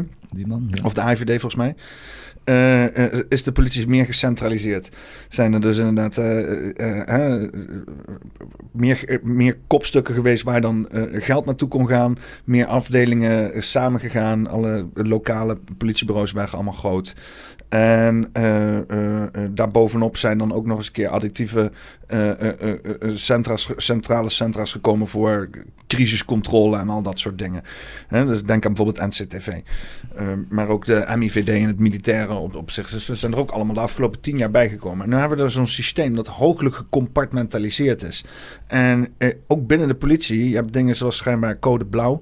Uh, en dat ziet er online heel leuk uit, zo'n brochure van oh ja, fatsoensnormen en zo. Maar in de realiteit intern betekent dat dus dat je niks negatiefs naar buiten mag brengen over wat er binnen in de politie uh, uh, gebeurt. Anders kunnen ze jou onder vormen van code blauw ergens aanklagen of zo. Maat mij is dat bijna overkomen en die heeft van ontslag genomen. Ik denk, fuck this shit. Um, Maar, maar er zijn daar dus binnen die politie gewoon echt, ja... Vandaar die angstcultuur. Ja, er zijn daar binnen zijn daar, is daar gewoon heftige compartmentalisatie gaande. Wat gewoon, uh, ja, is niet gezond. Het is gewoon niet gezond. Zo volgens mij hoor je zo niet een politieafdeling te Dat hoort toch juist, ik snap dat het leger misschien zo werkt of een inlichtingendienst. Maar de politie hoort toch helemaal geen eh, geheime organisatie te zijn met zieke compartmentalisatie. Waarbij niemand weet van elkaar wat ze aan het doen zijn misschien een regisseur die hoort inderdaad gewoon zijn werk in het, eh, in het geniep te kunnen doen. Maar de rest van de politie verder toch niet? Dat is toch... Klinkt wel meer zijn, uh, zijn inlichtingendienst uh, dat het, dan dat het een politiebureau is. interessant. Um, goh, dat, is, um, dat, dat wist ik eigenlijk nog niet. Hm. Ja. En ook qua recht. Politierechter is ook apart. Hè? Dat je dus inderdaad een, een rechtssysteem hebt dat namens de politie jou gaat berechten. Dat is ook, ze zijn untouchable. Het, het, is heel raar opgezet allemaal. Eh, en dat is allemaal de afgelopen tien jaar is dat zo gekomen. Hmm. En dan ook nog met uh, onderbemanning. Dus dat zou ook niet hun werk gewoon goed kunnen doen. Nee, iedereen is ook nog eens een keer gestrest. Maar misschien is, misschien is dat wel ook de reden waarom het op deze manier georganiseerd is. Omdat je dan op alleen op deze manier georganiseerd kan functioneren met te weinig mensen. Ja, ja. dat bij gebrek aan beter is. Uh... Nou ja, als je, als je wordt gekort op, op alles, um, dan ga je fouten maken. En dan kun je je werk niet goed doen. En dan uh, alles wat naar buiten komt, uh, brengt de geloofwaardigheid van het instituut in gevaar. En uh, ik kan me voorstellen dat dat een bestuurlijke beslissing is geweest dat ze dat op die manier hebben gedaan. Ik keur hem niet goed, nee. maar het is wel een verklaring die voor gegeven kan worden. Ja, net zoals de zorg zeg maar, door bezuinigen afhankelijk is gemaakt van de, de, de, de, de farmaceutische industrie en, en, en al dat soort de dingen. Verzekeraars bepalen wat, uh, wat de diagnose wordt van, uh, van, van de cliënt. Ja, zo, zo is dan zeg maar de politie ja. gepusht in nog meer... Dat kan geen mensenwerk doen. Ja. En dat willen ze wel hoor. Dat kunnen het niet.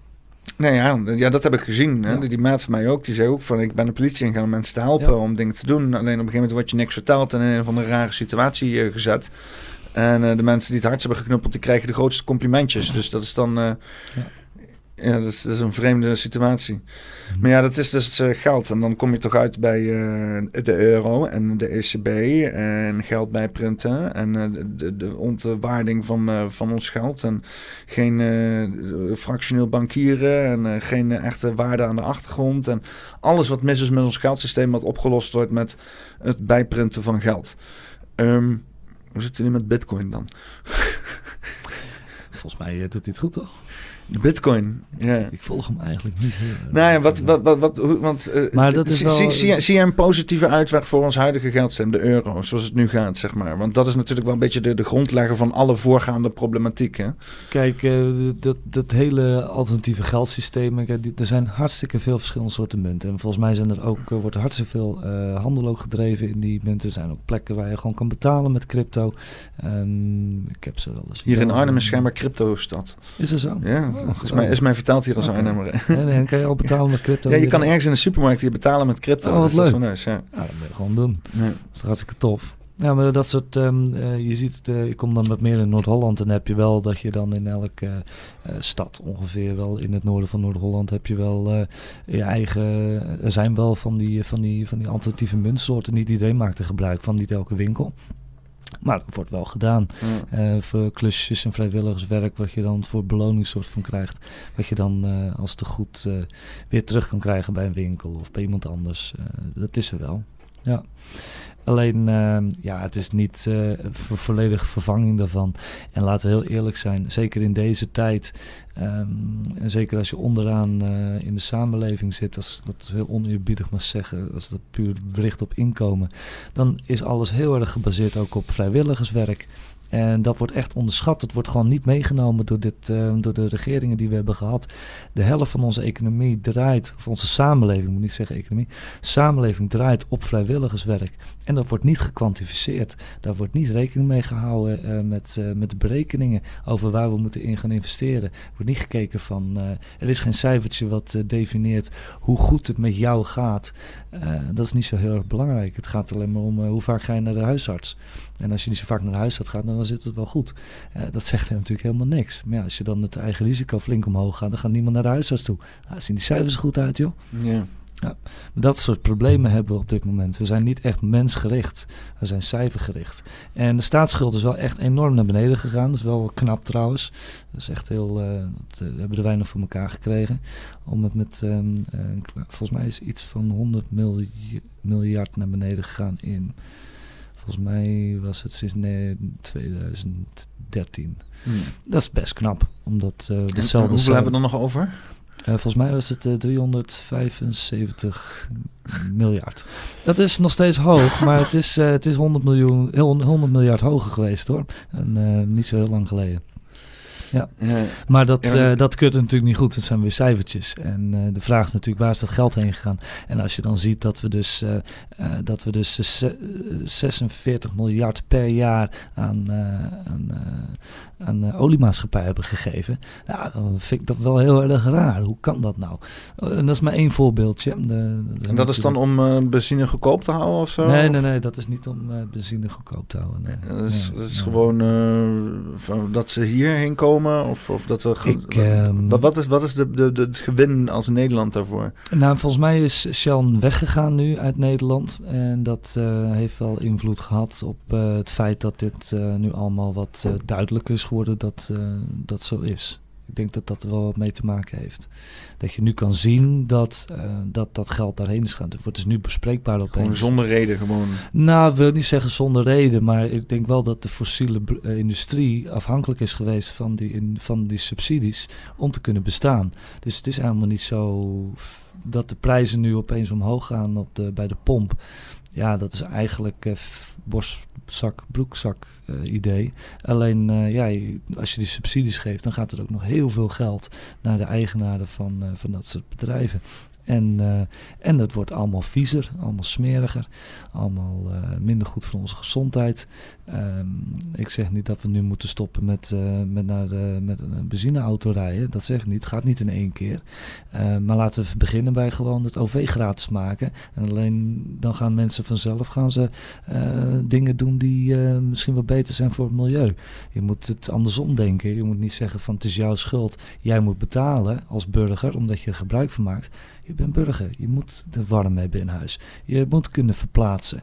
Um, dat, dat, dat, je moet uh, je, je, eten kunnen koken.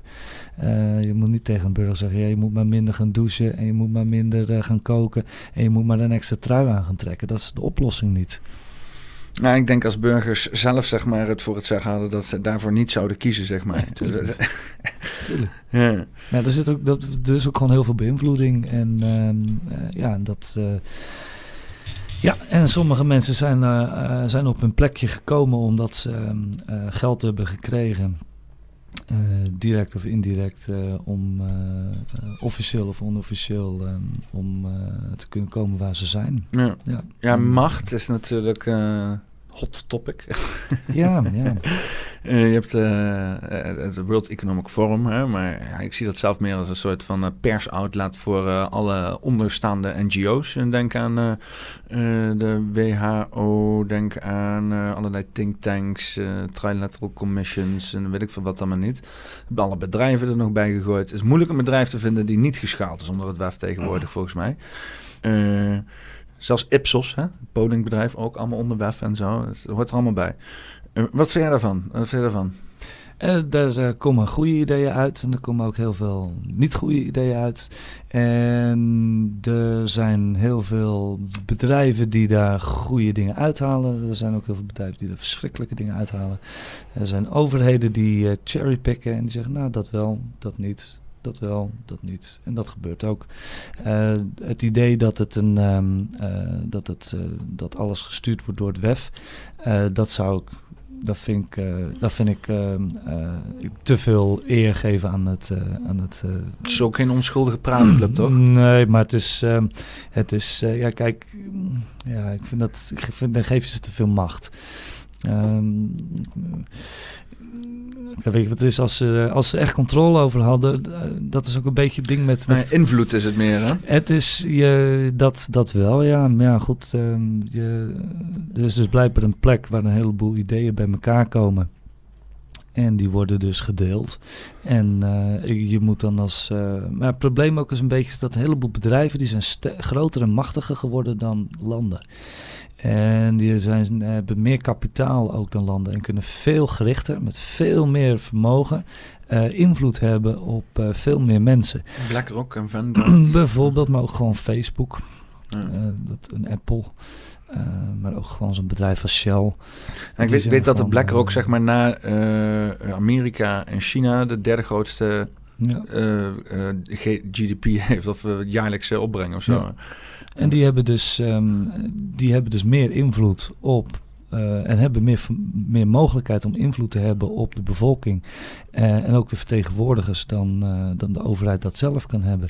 Dus ik ben eigenlijk minder bang voor de overheid, maar meer voor, voor dat soort grote bedrijven. Maar het zegt dan ook iets over ons dat wij ons zo laten beïnvloeden door geld. En onze overheden dan. Hè? En je ziet ook dat dat zo is, want die gasten betalen ook gewoon veel minder. Hoe bedoel je? Zo'n grote bedrijven, multinationals, die betalen veel minder belasting. Ja, ja, ja, En de, wij, wij lopen echt uh, meer dan 100 miljard uh, euro aan uh, belastinggeld jaarlijks mis. Uh, door, uh, door de constructies die wij op dit moment hebben. En er wordt al een miljard per dag ingehaald, uh, aan geld opgehaald hier in Nederland, hè? door alle, alle constructies dan. Ja. Een miljard per dag. Dat is echt heel erg veel. Weet je wat je daarmee veel. kan doen? Ja. Echt gigantisch veel. En het leuke is dat ze dus dan 2 miljard maken ze vrij voor armoedebestrijding. Dus twee, dagen, twee dagen aan belastinggeld. En hoe... Um, dus 0,2% van de totale hoe, belasting. Hoe wordt dat dan uitgegeven? Hoe wordt dat gebruikt? Oh, dat daar, daar, hebben we het nog niet eens over. Het zal waarschijnlijk over de balk gesmeten worden als een idioot. maar gewoon oh, het... Ik lach erom, maar het is echt van te huilen natuurlijk. Want het is gewoon waar. Ja. Ja, ja. ja, de overheid. Ja, dat is een beetje de reden waarom ik nou helemaal eh, libertair aan het neigen ben. Heel veel mensen ook wel, uh, weet je wel, het, libertarisch, laat ik het zo zeggen. Ja, weet je wel? Dus helemaal, zeg maar, gewoon die overheid moet gewoon zo klein mogelijk. Want, en, en dan zoveel mogelijk macht in, in het volk. En ik moet ook zeggen, de oprechte libertariër die zegt dan... vrije markt moet dat beslissen. Die zegt van geld beslist moet ik eerlijk zeggen, ik heb ook niet alle vertrouwen in geld. Geld corrumpeert ook als een motherfucker, als je het mij vraagt. Dus, dus je zal toch altijd wel iets van samen moeten komen om een systeem te maken. Heel geïsoleerd, libertarisch is natuurlijk pure vrije markt. Ja. Dat, dat eindigt ook op een gegeven moment in monopolie. Ja, ja. Maar, maar, maar, maar wat, wat je kan doen, en dat vinden wij dus een goed idee. Ik heb helemaal geen probleem dat mensen dus geld verdienen. Ik heb ook helemaal een probleem met dat mensen heel veel geld mee verdienen zolang het maar mogelijk is dat iedereen te eten, te drinken, dak boven zijn hoofd heeft, zich warm kan maken, naar uh, medische zorg kan krijgen, toegang heeft tot kennis en informatie en zich kan verplaatsen. Ik zeg, nou ik wil niet zeggen zeven, zeven de, de, de, het zijn zeven dingen die ik gewoon heel erg belangrijk vind.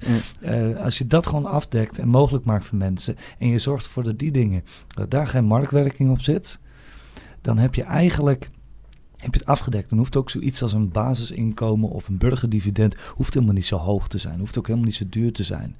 En dan alles wat daar niks mee te maken of, of er weinig mee te maken heeft, dan kun, kan ze een hele kapitalistische feestje geven. Dat maakt op zich nog niet zo heel veel uit. Ja. In feite. Ja. Maar ja, zolang je mensen of systemen hebt die dan toch gemotiveerd worden door geld, dan, dan, dan word je altijd geregeerd door geld. Je wilt toch altijd, je wilt toch ook een podcast starten? Of ja. je, wilt toch een, uh, je wilt toch ook iets moois maken? Mensen willen, de piramide van Maslow laat ook zien dat de mens wil ontplooien. Die wil zich excelleren. Die wil, die wil bloeien. Een plant die gaat ook niet, als hij genoeg water heeft, denken, nou het is wel goed zo, ik stop hier. Mm. Dat is niet natuurlijk. Je wil groeien. En dat hoeft niet altijd te betekenen dat je meer geld hebt of dat je um, uh, meer inneemt. Dat hoeft niet altijd zo te zijn. Bloeien kan ook zijn dat je iets iets verbetert en dat je iets ergens heel erg goed in wordt en kwaliteit opeens gaat leveren en een toevoeging gaat worden aan de samenleving waar iemand echt wat aan heeft. Ehm, en dat je onderdeel wordt van, uh, van, van iets waar iedereen beter van wordt. Dat, dat is wat eigenlijk het mens zijn is. Alleen dat wordt ons wel een beetje lastig gemaakt op dit moment. Um, um, als ik jou zo hoor, heb je nog vertrouwen in de euro in elk geval. Eh, en, en, zie je toekomst? Nou, ik, ik heb vertrouwen in het concept geld. Ja, ja oké. ja. ja. En weet je, door, dus, door, door, door, de, door de millennia's heen komen we constant weer uit op een of andere vorm van geld. Maar je ziet, je ziet ook bepaalde dingen waarbij je duidelijk weet van, ah, en daar gaat het fout. En dat is volgens mij best wel een grens waar we met z'n allen over heen zijn gegaan. Nou, we zijn wel op dit moment heel, heel erg afhankelijk van uh, onze Europese samenwerking om te kunnen bestaan zoals we dat nu doen. Uh, dat, dat, dat, dat hebben we ook echt nog wel even nodig. En we moeten dat eigenlijk gaan versterken. Ik zeg niet dat we naar een Europees Verenigde Staat van Europa moeten gaan. Dat, daar ben ik niet geen voorstander van. Uh, ieder, elk land moet zijn eigen soevereine staat uh, houden. Alleen die samenwerking, zodat je je weerbaar houdt tegen invloeden zoals de Amerikanen, maar ook de Russen en de Chinezen, maar ook Iran. dat, dat, als je, dat, als je weerbaar wil zijn en op je eigen pootjes moet, moet, wil gaan staan, en dat zullen we toch echt moeten doen, want anders moeten we namelijk gaan doen wat iemand anders wil doen, want je bent namelijk afhankelijk van een andere wereldmacht. Uh, dan betekent het wel dat we meer moeten gaan samenwerken en uh, uh, elkaar steviger vast moeten pakken. En dat klinkt inderdaad zo eurofiels, maar daar bedoel ik niet mee dat je, dat je dan je eigen identiteit hoeft op te geven. Dat integendeel. Ja. Dat, dat, dat is juist het mooie van, van de Europese samenwerking zoals die nu zie. Uh, maar er moet wel de, de, de, de waarde van je eigen land moet wel gewoon in, st in stand gehouden worden. Um, en dat betekent uh, meer democratiseren, zoals jij ook zei. Veel uh, sterker, uh, meer zeggenschap gaan krijgen in, in dingen. Maar dat zorgt er ook voor dat een burger bewijzer wordt. En dat een burger zich meer gaat inlezen, meer betrokken wordt. Um, en dus er ook sneller en beter kritischer gekeken kan worden naar wat uh, wat, um, wat beleidsmakers maken. En natuurlijk het liefst naar zo'n situatie komen dat, uh, de dat de mensen die de baas zijn in een land, uh, dat die faciliterend gaan zijn naar de burgers om dat zelf te gaan doen. Ja. Dat is natuurlijk het allermooiste. Nou ja, waarom ik zo haper op dat geldsysteem is dat ik, dat ik, dat ik zeg maar sinds 2008 een beetje hè, erin ben gerommeld, zeg maar. veel shit binnen, binnen ons gezin en zo. Iedereen uh, werd ontslagen. En uh, ik, was ook gefascineerd. Ik denk, oké, okay, wat, een hele hoop gedoe om, om het geldsysteem en hoe dat dan in elkaar zit. En ook in Amerika met centrale banken en uh, bla bla bla. Ik weet niet, daar zal je zelf ook wel enigszins in, in verdiept hebben en al die verhalen, hoe dat allemaal is opgezet. Maar wat ik dus nu zie is dat sinds 2008 uh, je, je, hebt sinds, ze zijn, sinds 2008 zijn ze als een, als een, als een idioot zijn ze, uh, uh, de, de, inflatie aan het bijhouden door maar geld bij te drukken, quantitative easing. En aan de andere kant zie je dus inderdaad allerlei rare bewegingen, hoe ze dus dan meer geld kunnen binnenhalen. Als het wel niet gaat over bezuinigingen, dan wel niet centralisatie. Het moet allemaal groter, het moet efficiënter, er moeten minder mensen, meer machines, want alles moet goedkoper, alles moet. Uh, ja, hè? het geld wordt minder waard. Er wordt elke keer meer bijgedrukt. Nu ook weer met die corona is er triljarden is er bijgedrukt. Het gaat helemaal nergens over. En hè, dan heb je daar heel veel geld. dan heb je gemiddeld bij elkaar heeft dat geld waarde. Dus dan heeft één ding in dat ding heeft een bepaalde waarde. Heb je daar meer van, heeft dat ene ding minder waarde. Dat is, dat is, dat is hoe het over het algemeen werkt. Nou dat zijn ze dan kunstmatig dan aan het houden op een plek.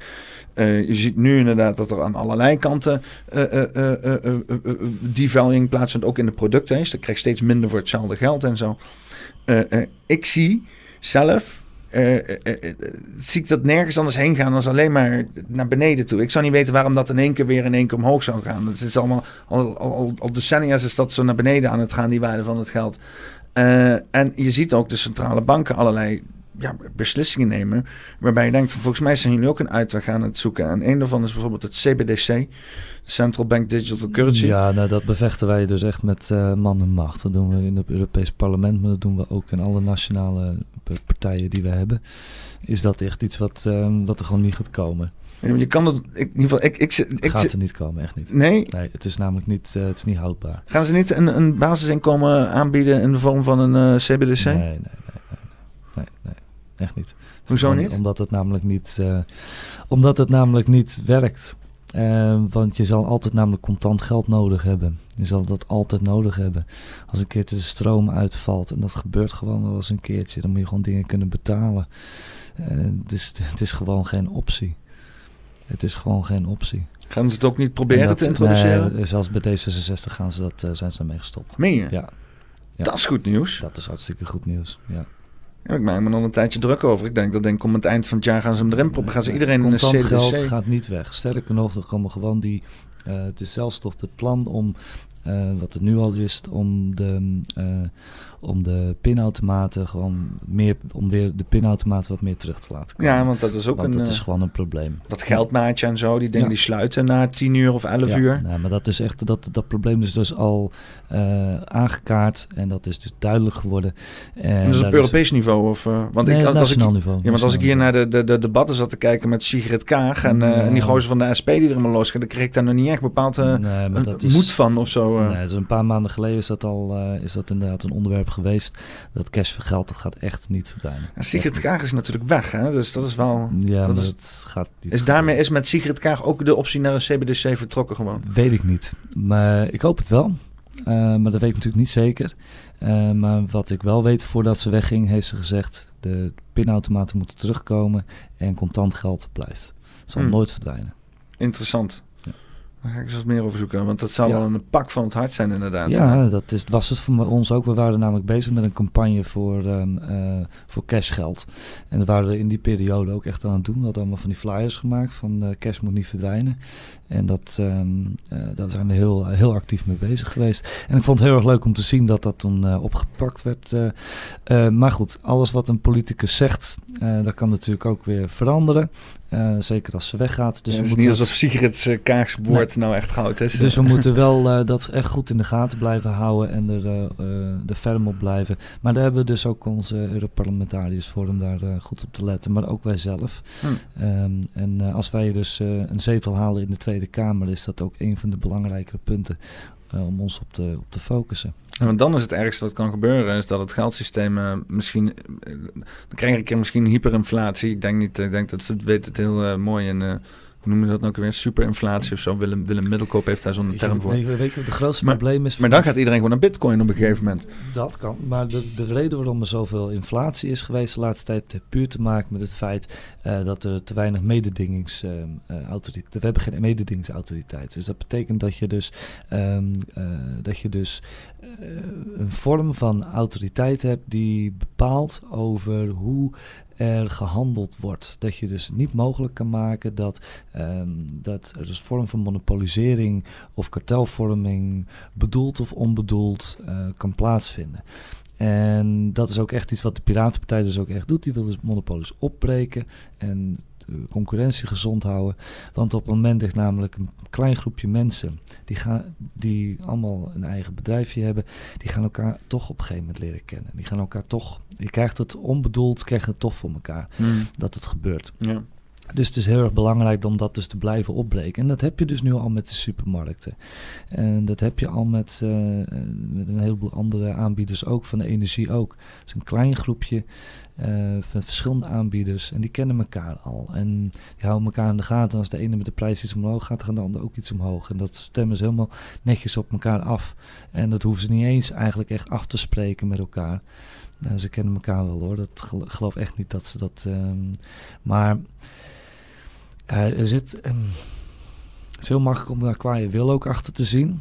Maar volgens mij is het veel erger dan dat. Volgens mij is het gewoon onwetendheid, onkunde en ook de afhankelijkheid van elkaar om te kunnen blijven bestaan. En daarom doen ze het. Hm. Ehm, ja. Dus eh, wat we moeten doen is de boel opbreken. En dat, ehm, eh, dat mensen niet uitgebuit kunnen worden en die situatie niet mogelijk te kunnen laten maken. Dat is heel erg belangrijk. En dat kun je doen door eh, een basisinkomen, onvoorwaardelijk basisinkomen mogelijk te maken. Het gaat niet in één keer. En het minimumloon moet omhoog. En ehm, dat, dat is heel erg belangrijk. En dat je dus altijd verzekerd bent van, van een woning. Dat je dus niet op straat kan komen te staan. dat toegang tot, tot gezondheidszorg, dat dat er altijd is. En dat je jezelf moet kunnen verplaatsen als je dat wil. Want het probleem is nog steeds dat je dus de situatie, als je zelf nu in de bijstand zit en wil, zou gaan willen willen werken, dan loont dat helemaal niet. Je moet eerst nog een gat overbruggen van twee of drie maanden, voordat je eerst een loontje krijgt. Dus dat betekent dat je in een, in een armoedesval komt. En vervolgens heb je een inkomen uh, met alles eraf. Uh, wat vergelijkbaar is aan, het, uh, aan de bijstand die je toen had, maar dan ben je 40 uur van huis en ben je moe elke dag en kan je eigenlijk niet dat ene ding doen wat je eigenlijk altijd hebt willen doen. Hm. Dus het beste wat we zouden kunnen doen, is mensen die in de bijstand zitten, hun bijstand te laten houden. Totdat ze zeker weten dat ze op eigen pootjes staan. Misschien een bepaald, weet ik veel, minimumpje afspreken van zoveel moet je op je bankrekening hebben. En dan pas gaan we eens kijken of we de, de bijstand gaan afbouwen. Zodat we zeker weten zijn dat je niet in een armoedeval terechtkomt. Ja. Ja, of uh, mensen op weg helpen om een onderneming te kunnen starten. Dat ene idee wat ze altijd al hebben willen doen, om dat mogelijk te maken. Daar wordt iedereen beter van. Daar wordt Nederland beter van. Uh, het, het, jaagt de innovatie enorm aan. Er worden mensen gezonder van. Dan hebben ze niet zo hoeven ze niet te leunen op. Uh, maakt het de zorg ook goedkoper. Ja. Wietkwekerij? Coffeeshop? ja, bijvoorbeeld. staan jullie tegenover uh, blauw uh, en uh, drugsbeleid en ja, dat soort dingen? Dat moet echt heel anders. Dat moet een stuk losser. Een stuk losser. Het moet gewoon los. Is, is legaliseren, is dat een optie? Dat legaliseren is voor ons zeker een optie, ja. In combinatie met goede verslavingszorg. Ja. Belasten. Uh, de, uh, de middelengebruik moet, gewoon, uh, moet, gewoon aan, moet gewoon aangeboden kunnen worden in een winkel. En, dan, en dat belasten. En van de belastinggeld de verslavingszorg betalen. Ja. En dat zijn, zijn voorbeelden van in andere landen waarvan het hartstikke goed werkt. Ja. En dat is het ook. Ja. En soms kan het hartstikke leuk zijn om een middel te gebruiken met mate. Iedereen denkt wel eens een keer een biertje. niet iedereen, maar sommige mensen wel. En dat moet ook gewoon kunnen. De mogelijkheid moet er ook gewoon zijn. Uh, maar er moet ook gewoon goede voorlichting over zijn. Dat je begrijpt wat je in je lijf stopt en wat voor gevolgen dat heeft. En we weten wanneer het verkeerd gaat. Um, en dat het taboe ontnomen wordt uh, om te praten over bepaalde middelen en wat het met je kan doen na een tijdje of niet. Um, uh, en wat gezond is en wat niet. En ik begrijp dat sommige mensen bepaalde middelen wel kunnen gebruiken en andere gewoon echt niet, omdat het gevolgen heeft. En dat we daar met z'n allen gewoon over kunnen praten op een normale manier. Ja. Um, want het, uh, het leven moet ook een beetje leuk blijven. Ja. En je ziet heel vaak dat er uh, gebruik gemaakt wordt van uh, verlies en zo, om dan juist het hele discussie op een emotioneel vlak te voeren. Oh, ik heb er mensen aan verloren. Ja, mijn ja, man was dat, verslaafd, dus daarom moet nu iedereen ja. stoppen met. En de reden waarom ze die mensen ja, ik, ben ook, ik ken ook iemand die kwijtgeraakt ben aan, aan heroïne. Maar, um, de, en dat komt ook omdat er te weinig over gesproken kon worden. Mm. Omdat het taboe erop hing. Yeah. Dat je, want de onderliggende reden waarom iemand gebruikt, dat die niet besproken konden worden. En dat daar niet wat aan gedaan kon worden. Dat is, dat is het probleem. Yeah. En een verslaving gaat natuurlijk ook veel breder als alleen maar substantiegebruik. Hè? Ja, het kan ook aan uh, pornografie zijn, het kan ook een sport zijn, het kan ook aan... Geld en macht. Wauw, die vind ik heel goed. ik, ben, ik, ik, ik, wil, ik heb het zo vaak gehad over precies dat wat jij net zei, maar dat is ook echt zo. Mm. Um, op het moment dat je dus een heel groot bedrag op je bankrekening krijgt, dat is gewoon, daar hebben ze ook onderzoek naar gedaan, dat is gewoon net zo verslavend als het nemen van een lijn cocaïne de eerste keer. Ja. En dan wil je gewoon meer en meer en meer. En dat is ook echt verslavend. En het is dood en dood eng hoor, die coming down. Als je daar, uh, uh, dat, uh, als je daar geen controle over hebt. En daar moeten we ook even naar gaan kijken, denk ik ook als samenleving. Dat dat ook echt een probleem is. Dat als we dit probleem wat jij zegt, die gulzigheid van, van de vrije markt, als we dat willen oplossen, moeten we eigenlijk kijken van hoe gaan we om met, um, met kookverslaving. Ja, ja, ja.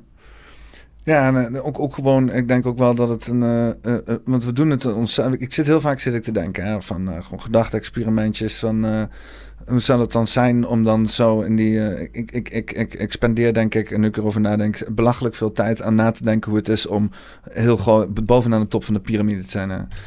ik zit al heel lang naar die piramide te kijken en denk van, wat doen die mensen dan daar, weet je wel? En, dus ik zit wel eens na te denken of, of wat dat dan moet zijn. Hè? die, worden ook, die worden ook geleefd.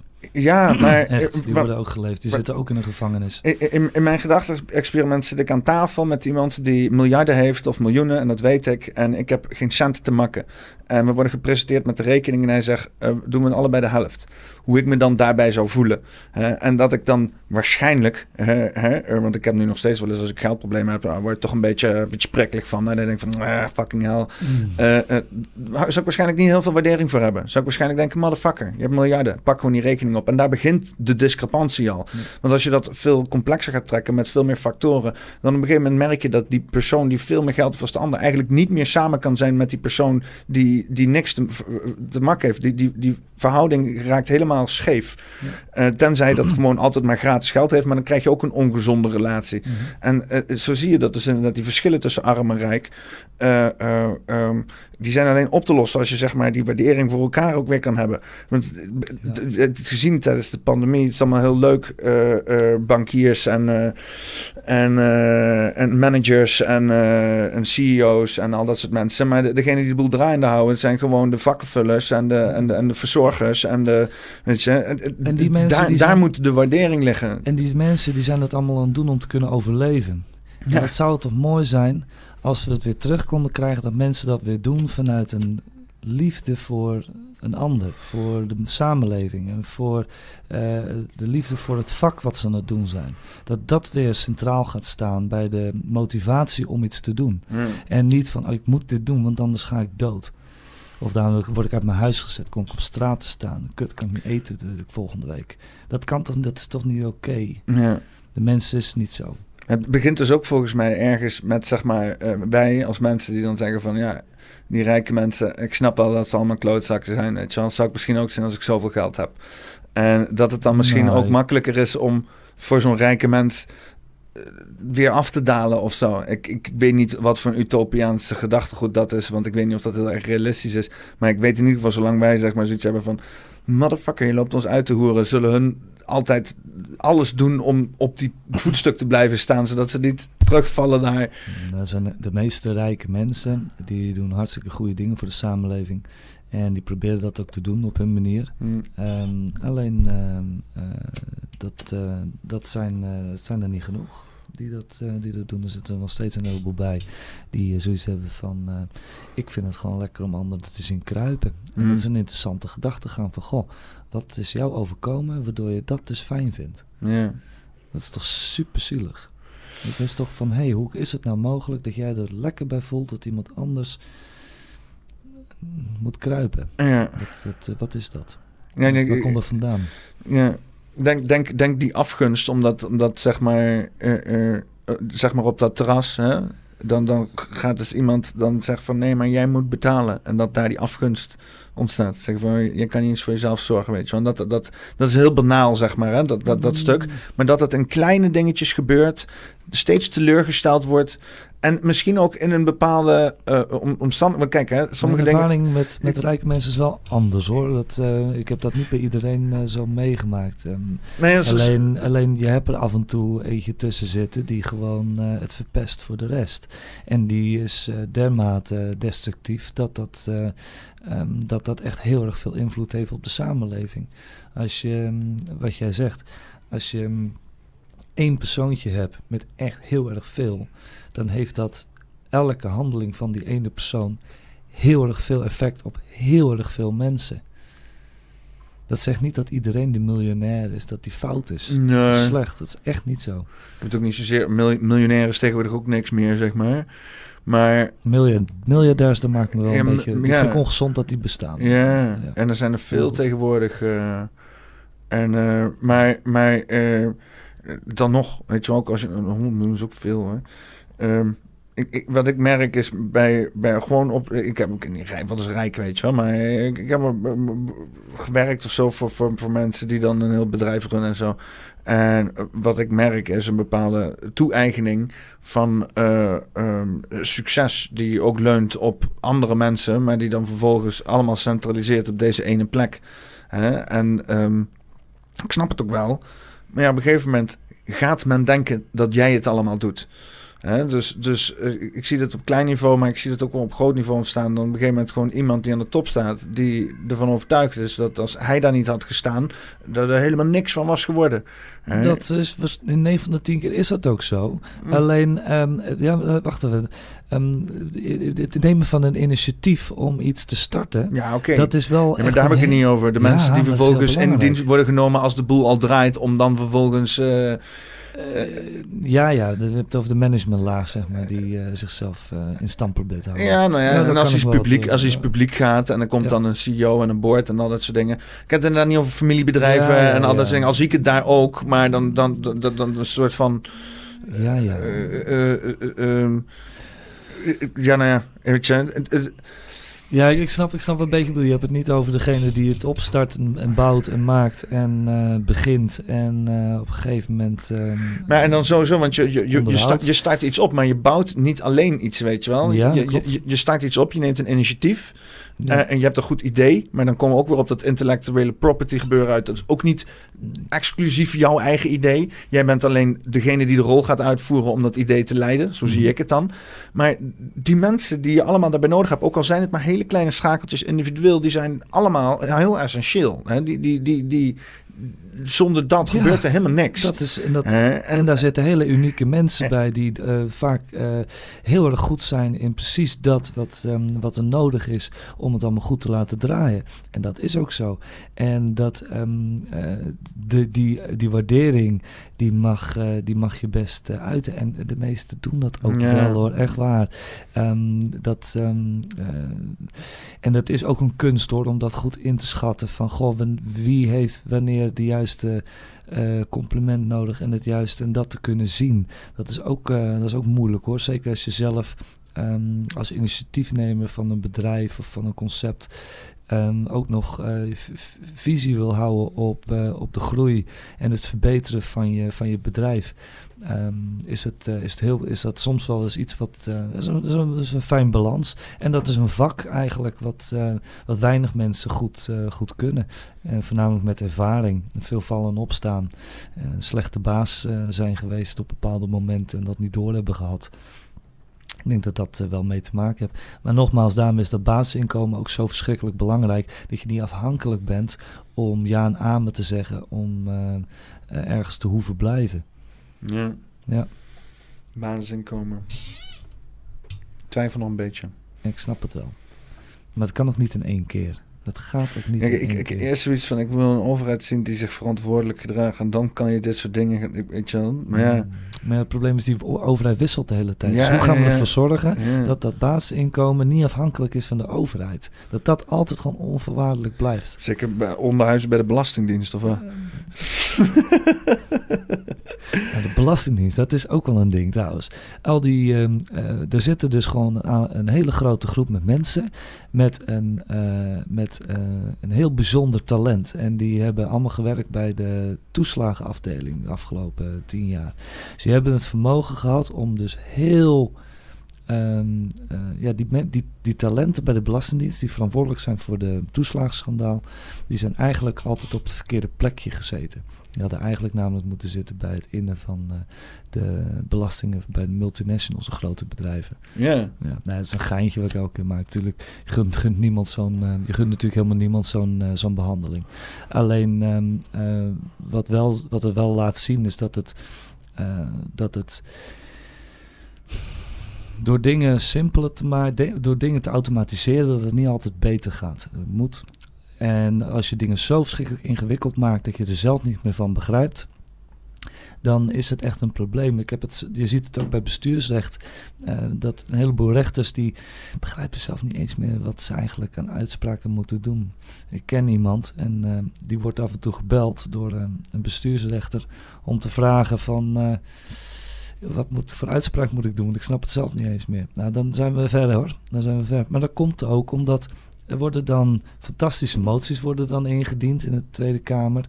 En dat, die zijn dan in eerste instantie redelijk simpel en, en duidelijk. En dan vervolgens komt er een lobbyist of iemand, uh, of een vriendje van, of een ondersteuner van, of een consultant van. En die komt met een hele lap tekst met uitzonderingen, uh, waar dus makkelijk doorheen, waardoor heen gefietst kan worden. Dat weet dan die consultant, die verkoopt zichzelf dan weer aan een bedrijf die dus tussen de regels door wil fietsen. En dan krijg je dus een webboek wat gewoon super ingewikkeld is. Dat gaat ook nog eens allemaal door elkaar als een even brei met spaghetti die uh, vast zit. uh, en uh, nou, probeer, daar maar eens, probeer dat maar eens los te krijgen.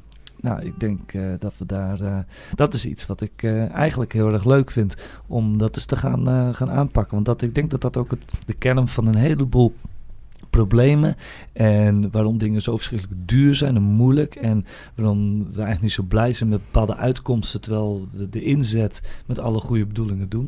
Ik denk dat daar ook wel een oplossing is in, um, uh, uh, voor dat soort uh, problemen. En ben je van de wetgeving en zo? Ik ben zelf niet van de wetgeving, maar ben wel de, ik ben wel een piraat. Nee. En uh, een piraat die, uh, die zoekt, uh, die, die, die, ziet hier een probleem, die ziet hier een oplossing. En hoe gaan we die bij elkaar krijgen? Maar dat lukt nu niet. op een of andere rare, stomme manier krijgen we die voor elkaar om dat eten bij die arme mensen te krijgen. Op een of andere manier. krijgen niet die daklozen bij het huis dat leeg staat. Waarom kan dat niet? Nou, dat kan dus wel. Uh, maar dat moet je dus gaan beseffen dat bepaalde regels uh, die we op dit moment hebben, uh, onze handen boeien om elkaar te kunnen helpen. Ja, want stikstof en de bouw en vluchtelingen en zo? Stikstof, bouw, vluchtelingen, Jezus. Dat zijn de drie. Ja, dat is wel zeg maar, zeg maar de hoofdthema's rondom geen huizen krijgen, volgens mij, toch? Nee, dat is natuurlijk, dat is natuurlijk niet het probleem. Nee? Nee, natuurlijk niet. Um, we, we, zorgen ervoor dat, um, uh, dat er uh, huizen gekocht worden waar niet in gewoond wordt. Of uh, woonruimte gekocht wordt waar niet in gewoond wordt. Of potentiële woonruimte wat, niet in, waar, wat gekocht wordt maar niet in gewoond wordt. Waarvan er op gespeculeerd wordt. Zodat het interessanter is om leeg te houden. Sommige objecten die stijgen in prijs per jaar met 20%. Dat is interessanter om gewoon leeg te houden. Ja. want anders is het gewoon irritant om um, er bewoners in te hebben. En vervolgens krijgen een woningnoodprobleem. En als er dan uh, vluchtelingen komen, dan uh, kun je die tegen elkaar uitspelen. Ik weet niet of dat bewust gedaan wordt hoor. Dat lijkt het wel op, maar uh, volgens mij is het veel erger dan dat. volgens mij zit daar niet een complot achter. maar volgens mij is het gewoon dat, het, dat mensen ambtenaren, maar ook politici gewoon echt niet meer weten wat ze moeten doen en dan reactief zijn. Nou ja, het lijkt er ook wel een beetje op, moet ik eerlijk zeggen hoor. Op wat? Uh, op dat vluchtelingen voorrang krijgen op een huis van jou.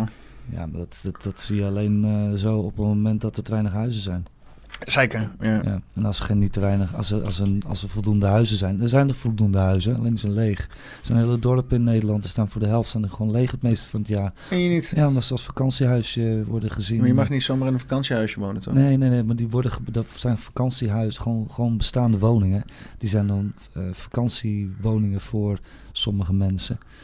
Uh, of zelfs tweede of derde huis. Oh, die, en die worden dan verhuurd uh, als vakantiehuis aan. Uh, mm, ja. En op die manier een beetje extra bij te verdienen. Uh, of als een extra pensioen. en moeten we dan huizen van mensen afpakken die een tweede huis hebben en zo? Dat is een lastig verhaal, hè? Ja, maar dat, dat, dat wil ik, ik, ik. wil dat niet zeggen, maar dat. ik zeg het niet afpakken. Maar we hebben wel een. we hebben het systeem blijkbaar dus wel de, de voordeeltjes uh, de fiscale voordeeltjes wel zo gemaakt dat het dus uh, zo interessant is om dat te doen, dat deze situatie ontstaan is, dat mensen dus geen huis kunnen kopen.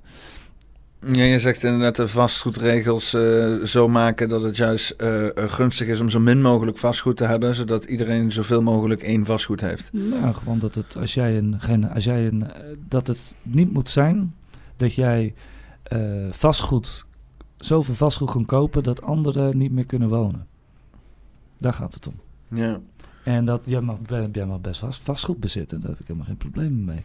Alleen het moet niet zo zijn dat mensen niet kunnen wonen. En het moet ook niet zo kunnen zijn dat mensen uh, meer dan de helft van hun inkomen moeten afstaan om te kunnen wonen. Maar hoeveel, hoeveel huizen staan er leeg dan? Uh, in Amsterdam staan er meer woningen leeg dan dat er mensen zijn die in Amsterdam een huis zoeken. Meen je niet? Ja. En dat probleem van uh, woningnood zijn op allerlei andere manieren ook nog op te lossen.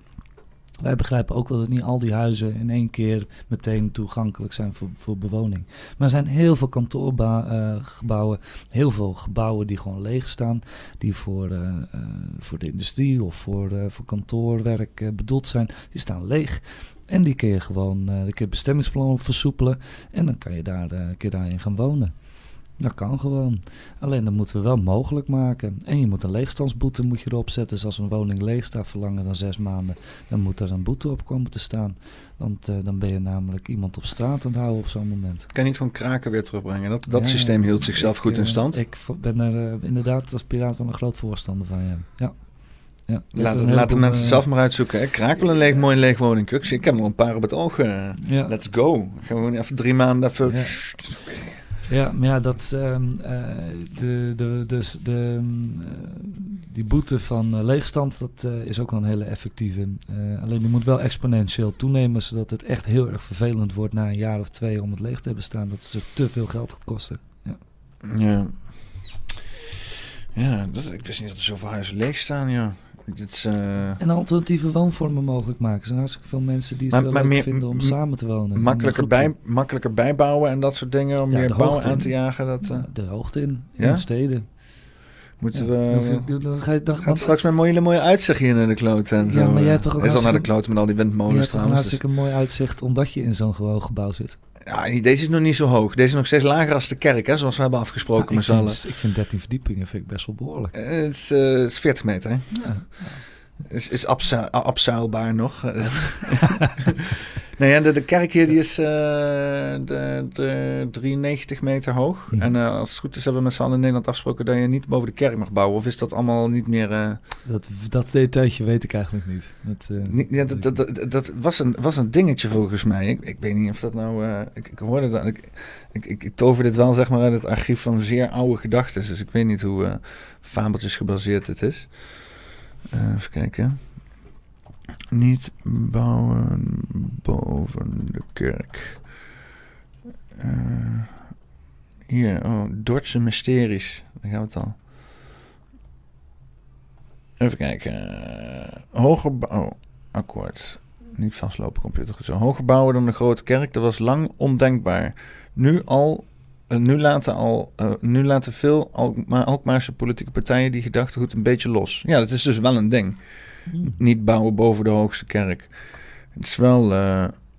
Maar we zijn wel, we hebben ook in ons programma staan, meer, meer hoogbouwen in, in steden. Hmm. Dus namelijk, en, dan neem je namelijk niet extra plek in. En, maar je legt wel heel veel druk op de infrastructuur. Ik bedoel, het staat hier nu al elke, elke dag helemaal vast. Ja. En dan als je meer oogbouw hebt, ja, waar, waar, waar, gaan die wegen heen dan? En als je de OV, het OV gratis maakt, gratis maakt, heb je dat ja, probleem opgelost. Uh, ja, want dan heb je namelijk gewoon wat meer bussen rijden en veel minder auto's. Echt veel minder auto's. In een bus nou ja, passen 100 mensen. Nou, dat zijn 100 auto's van de weg af. Nou, wat het is uh, uh, in Arnhem, ja. is dat ze zeg maar de infrastructuur centraal hebben ze zeg maar 16 keer omgelegd. En de conclusie is, ja, je moet er maar mee doen. Want het nadeel van Europese steden is niet dat zeg maar, uh, Amerika stel gridline mooi ruim is ingedeeld. Het is allemaal een beetje hutje-mutje ontstaan. En er zijn ook heel veel monumentale panden waar je niet omheen kan. Dus wat je nu hebt is het meest efficiënte hoe je door de stad heen kan rijden. En dat betekent dus ook voor bussen en dat soort dergelijke dingen. Hebben ze al helemaal voorrang gegeven. Dus die ja. inderdaad, openbaar vervoer is vaak makkelijker pakken en zo naar, naar, naar centraal. Uh, dan, maar dan is het dan, toch ook gewoon kijken van, als je kijkt naar je eigen infrastructuur, dan ga je toch aan de hand daarvan kijken van wat de beste plek om dan omhoog te gaan bouwen. Het kan best zijn dat het niet midden in de stad is waar je omhoog moet bouwen. Het kan best zijn dat het in een, in een wijk wat wat meer aan de buitenkant staat, dat daar een betere nou, hier zou het, Hier zou het zijn, maar hier bijvoorbeeld een, een, een euvel. Uh, uh, uh, dat iedereen die van de A50 afkomt, hier doorheen moet om naar de A12 te gaan. Want omrijden is, is, is verder schijnbaar. Het is beter om hier in de file te gaan staan dan om om te rijden. Dus wat er moet komen is een fucking brug. Die brug mag niet gebouwd worden. Dat soort dingen, weet je wel. De, de, de, moet, de, moet, de infrastructuur is... Eh, ook als ik naar het westen ga, ik weet niet, maar dat, dat staat gewoon vijf baans. Oké, okay, nou, openbaar vervoer. Hè, dus dan rijden er wat uh, twee keer zoveel treinen. Ik bedoel, nou... wel drie keer zoveel treinen, maar daarvoor moet je wel wat... Ja, want, want nu, nu weet ik dat zeg maar de huidige treinen die ze hebben rijden... Die, dat ze dat niet eens constant voor elkaar krijgen. Er is, ja, maar dan heb je ook geen dienstregeling nodig, hè? Als je, een, als je, het voldoende, als je voldoende treinen laat rijden, heb je geen Nee, maar omdat er shit stuk gaat de hele tijd. Ja, werknemers tekort en weet ik veel wat ja, allemaal niet. Ja, dat is natuurlijk ook omdat... Uh, dat is wel heel erg vreemd natuurlijk. Want dan betekent dat, dat er dus winst gemaximaliseerd wordt... en niet kwaliteit gemaximaliseerd wordt. En niet kwantiteit gemaximaliseerd wordt. Het is niet klantgericht. De klant is het middel om geld te verdienen. Het is privatisering in, in de, bij, bij het spoor. Het zou dus weer genationaliseerd moeten worden? Hmm, dat is een hele interessante vraag, want ik ben eigenlijk niet van plan om te gaan kopen. Ja. Ja, gewoon overnemen, gewoon annexeren, Poetin-staal. Mm, nou, nou, dat vind ik toch nog wat leren van die gozer zo. Nee, nee. nee, er zijn... De, de, Zoals hij de centrale bank ook heeft overgenomen. Dat, um, uh, daar zijn vast uh, wat slimmere oplossingen voor te bedenken dan, um, dan op die manier. En ik denk dat um, dat begint met een gesprek aan te gaan met met de NS, maar ook met, uh, met de gemeentes waar, uh, die afhankelijk zijn van de, van de spoorwegen. Want het is gewoon een monopolie. En daar begint het probleem al. En dat, dat die situatie zo is zoals die is, dat kwam vanuit het idee om het allemaal goedkoper te maken. En het is niet goedkoper te worden, het is gewoon veel en veel duurder geworden. En op dit moment heb je de situatie dat de, uh, dat de uh, werkgever die betaalt de medewerker geld om met de trein te gaan. En de, dat geld dat belandt dan bij de NS. de NS keert daarvan uh, de hoge salarissen uit van de eigenaren van dat bedrijf. En we zouden dus eigenlijk ook dat geld veel gerichter um, kunnen innen als belasting. Dat mensen gewoon gratis met het OV kunnen gaan. En dat je dat geld die anders de, de medewerkers ontvangen uh, om de treinkaartjes te betalen, dat te ontvangen uh, van de werkgever direct als belasting en dat te zetten in het uh, onderhoud en het verbeteren van het spoor. Ik denk dat je dan een veel, um, een veel um, kwalitatiever gebruik van je euro hebt op die manier dan. en wat het ook da daarmee is, omdat daardoor minder mensen met de auto gaan, veel minder mensen met de auto gaan, hoef je de, de fossiele industrie ook niet te, te subsidiëren zoveel. Je zou met een zesde van de subsidies die we nu geven aan de, aan de, aan de uh, fossiele industrie, uh, zou je uh, zelfs zonder die maatregel die ik hiervoor heb gegeven, zou je al het OV gratis kunnen maken. Mm. Dus het is echt niet zo'n heel moeilijk spelletje. Alleen je moet wel voor elkaar krijgen van ja, je zit met een probleem. Hoe ga je een monopolie ontmantelen? Ja, dat is inderdaad een, eh, een, interessant spel om te spelen. En dat is wel het thema een beetje van al jullie dingen natuurlijk. Het ontmantelen van, uh, van al deze machtsstructuren daar. Ja, dat klopt. Ja. En daarom uh, is het echt wel tijd dat er een piraat um, in de Kamer komt. En we hebben er maar één genoeg hoor, echt waar. Kijk, als we er twee of drie hebben, dan kunnen we echt wat voor elkaar krijgen, doen, krijgen en veel sneller. Um, dus het is echt heel belangrijk dat mensen thuis dat die gewoon gaan stemmen. Want dit moeten we mogelijk gaan maken. Dat hebben we het echt nodig deze keer. En ik hoop echt dat, uh, dat er heel veel binnenkomen van alle uh, kleinere partijen en zo. Uh, want iedereen kan elkaar ook wel heel goed aanvullen op allerlei vlakken volgens mij. Nou, maar dat vind ik ook. Want de, iedereen heeft het over de, de weerstand tegen versplintering. Maar ik vind dat geen versplintering. Versplintering is een, een, een, een, een het helderder worden van vertegenwoordiging van de samenleving. Ja. je krijgt dan een veel beter idee wat er speelt in de samenleving. Veel gerichtere vertegenwoordiging. Kortere Veel, het, is, het is uitstekend. En waarom zou je een, um, een, waarom zou je een regeerakkoord moeten gaan maken... waarvan alles tot in de detail uitgelegd is... Uh, voor de komende vier jaar... en dat je dan met partijdiscipline... Uh, gewoon slaafs uh, handje opsteekt wanneer, uh, wanneer je dat moet doen nee. vanwege dat regeerakkoord. En dat dat hele parlement uh, kan lullen wat hij wil, maar het gaat toch niks anders worden. Kan net, met, kan net naar huis gaan met z'n allen. Dat is letterlijk wat er is gebeurd, inderdaad. Het was gewoon ja, jij zegt poppenkast. Maar het, het, dat is het dan op dat moment. Want je hebt namelijk, je wordt niet serieus meer genomen. Je kan roepen wat je wil, je kan het beste argumenten hebben. Maar op het moment dat er dus uh, een, een, contract wordt getekend tussen een aantal partijen van zo gaan we het doen de komende vier jaar. En uh, je er is afgesproken tot in detail wat er over wat gestemd wordt dan, ja, dan kan net zo goed de tegenpartij naar huis gaan, want je hebt toch, uh, het hebt toch geen zin. En het parlement was zo'n prachtig instituut waarvan eigenlijk het idee was dat de slimste, knapste koppen van het land gekozen werden door de bevolking om dan samen te praten over de problemen die er zijn in het land en daar de juiste oplossing voor te vinden. Daar was het voor bedoeld. En niet uh, van uh, de dictatuur van de meerderheid. Ja, je mag best inderdaad stemmen en dat die de, de, de, de lijn zetten. Dat is inderdaad wel hartstikke goed. Dat dat duidelijk is van waar we heen willen met z'n allen. Maar je moet niet een regeerakkoord helemaal dicht timmeren voor de komende vier jaar. Want dan krijg je namelijk dat er geen inspraak meer is. En dus ook niet kan afstappen van een, van een idee wat je vier jaar geleden hebt of drie jaar geleden hebt bedacht.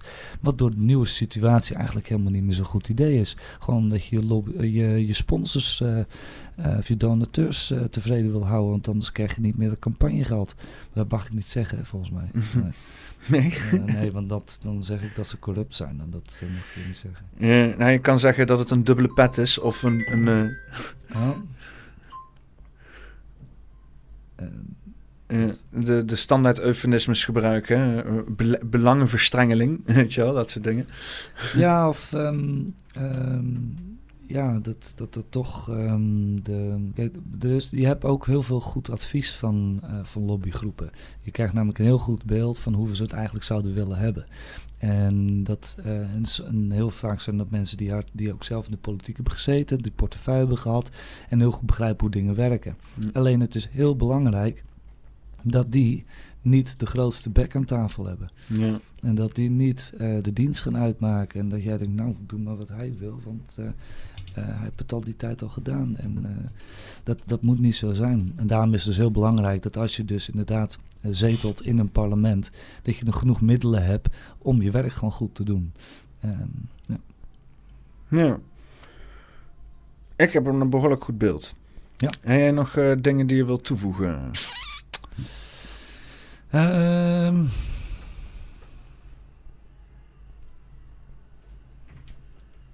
Spieken. Spieken. kijken. Alle punten gehad? Ik, uh, ik denk het, ja. Ik, het is lastig te zeggen. Ja, konden de demonstraties uh, dat, nu, als je, nee, het is nu s'avonds. dat luistert op achter s'avonds. Als je dit nu luistert en niet gedemonstreerd, ben je te laat. Ja. Sukkel. Ja. Kan maar, er nog op andere manieren? Is er nog ergens iets van een petitie of zo? Of, ja, uh, er is inderdaad nog een petitie op. Uh, als je gaat naar um, chatcontrol.nl of .com, dan vind je op die website vind je ook inderdaad een petitie die je kan tekenen. doe, doe dat ook. Ja, absoluut. Ik zal wel kijken of ik het linkje onder in de beschrijving kan doen. Goed. Ja, dan uh, ja, gaan we nog een titel bedenken. Dat is de traditie hier. Uh, gaan we eens even uh, hier zo. Zijn er bepaalde woorden, dingen, thema's die in je hoofd opkomen?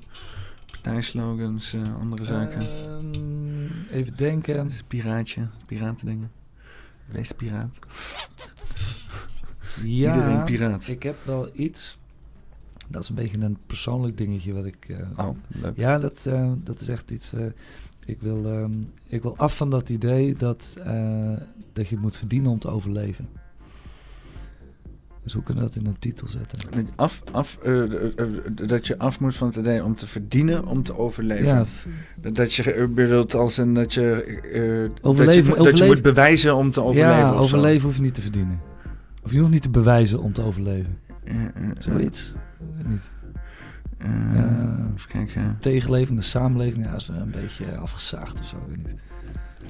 Even kijken. Uh, overleven hoef je niet te verdienen. Ja, dat is te veel. Ja, het is, te, het is, te veel voor, hè? Het is te lang.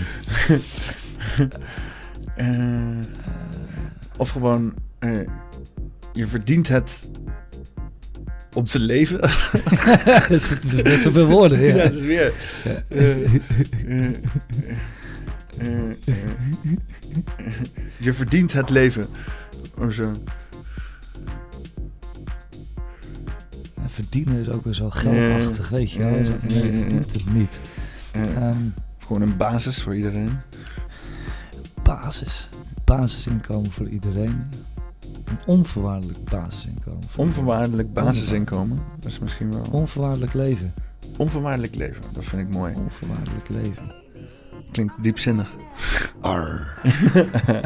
is ook wel een beetje het leven van een piraat, toch? Ja, Onvoorwaardelijk leven. vrij. En een vrij leven is een goed leven. En een goed leven is voor iedereen goed. Want dan ga je namelijk dat doen wat je vanuit je hart wilt doen. En dat is het beste voor alles en iedereen. Nou, dat vind ik mooi. Dan uh, is dit uh, uh, poppenkast nummer 139 met Mark van Treuren. onvoorwaardelijk leven. Cool. Cool. en bedankt. Dankjewel.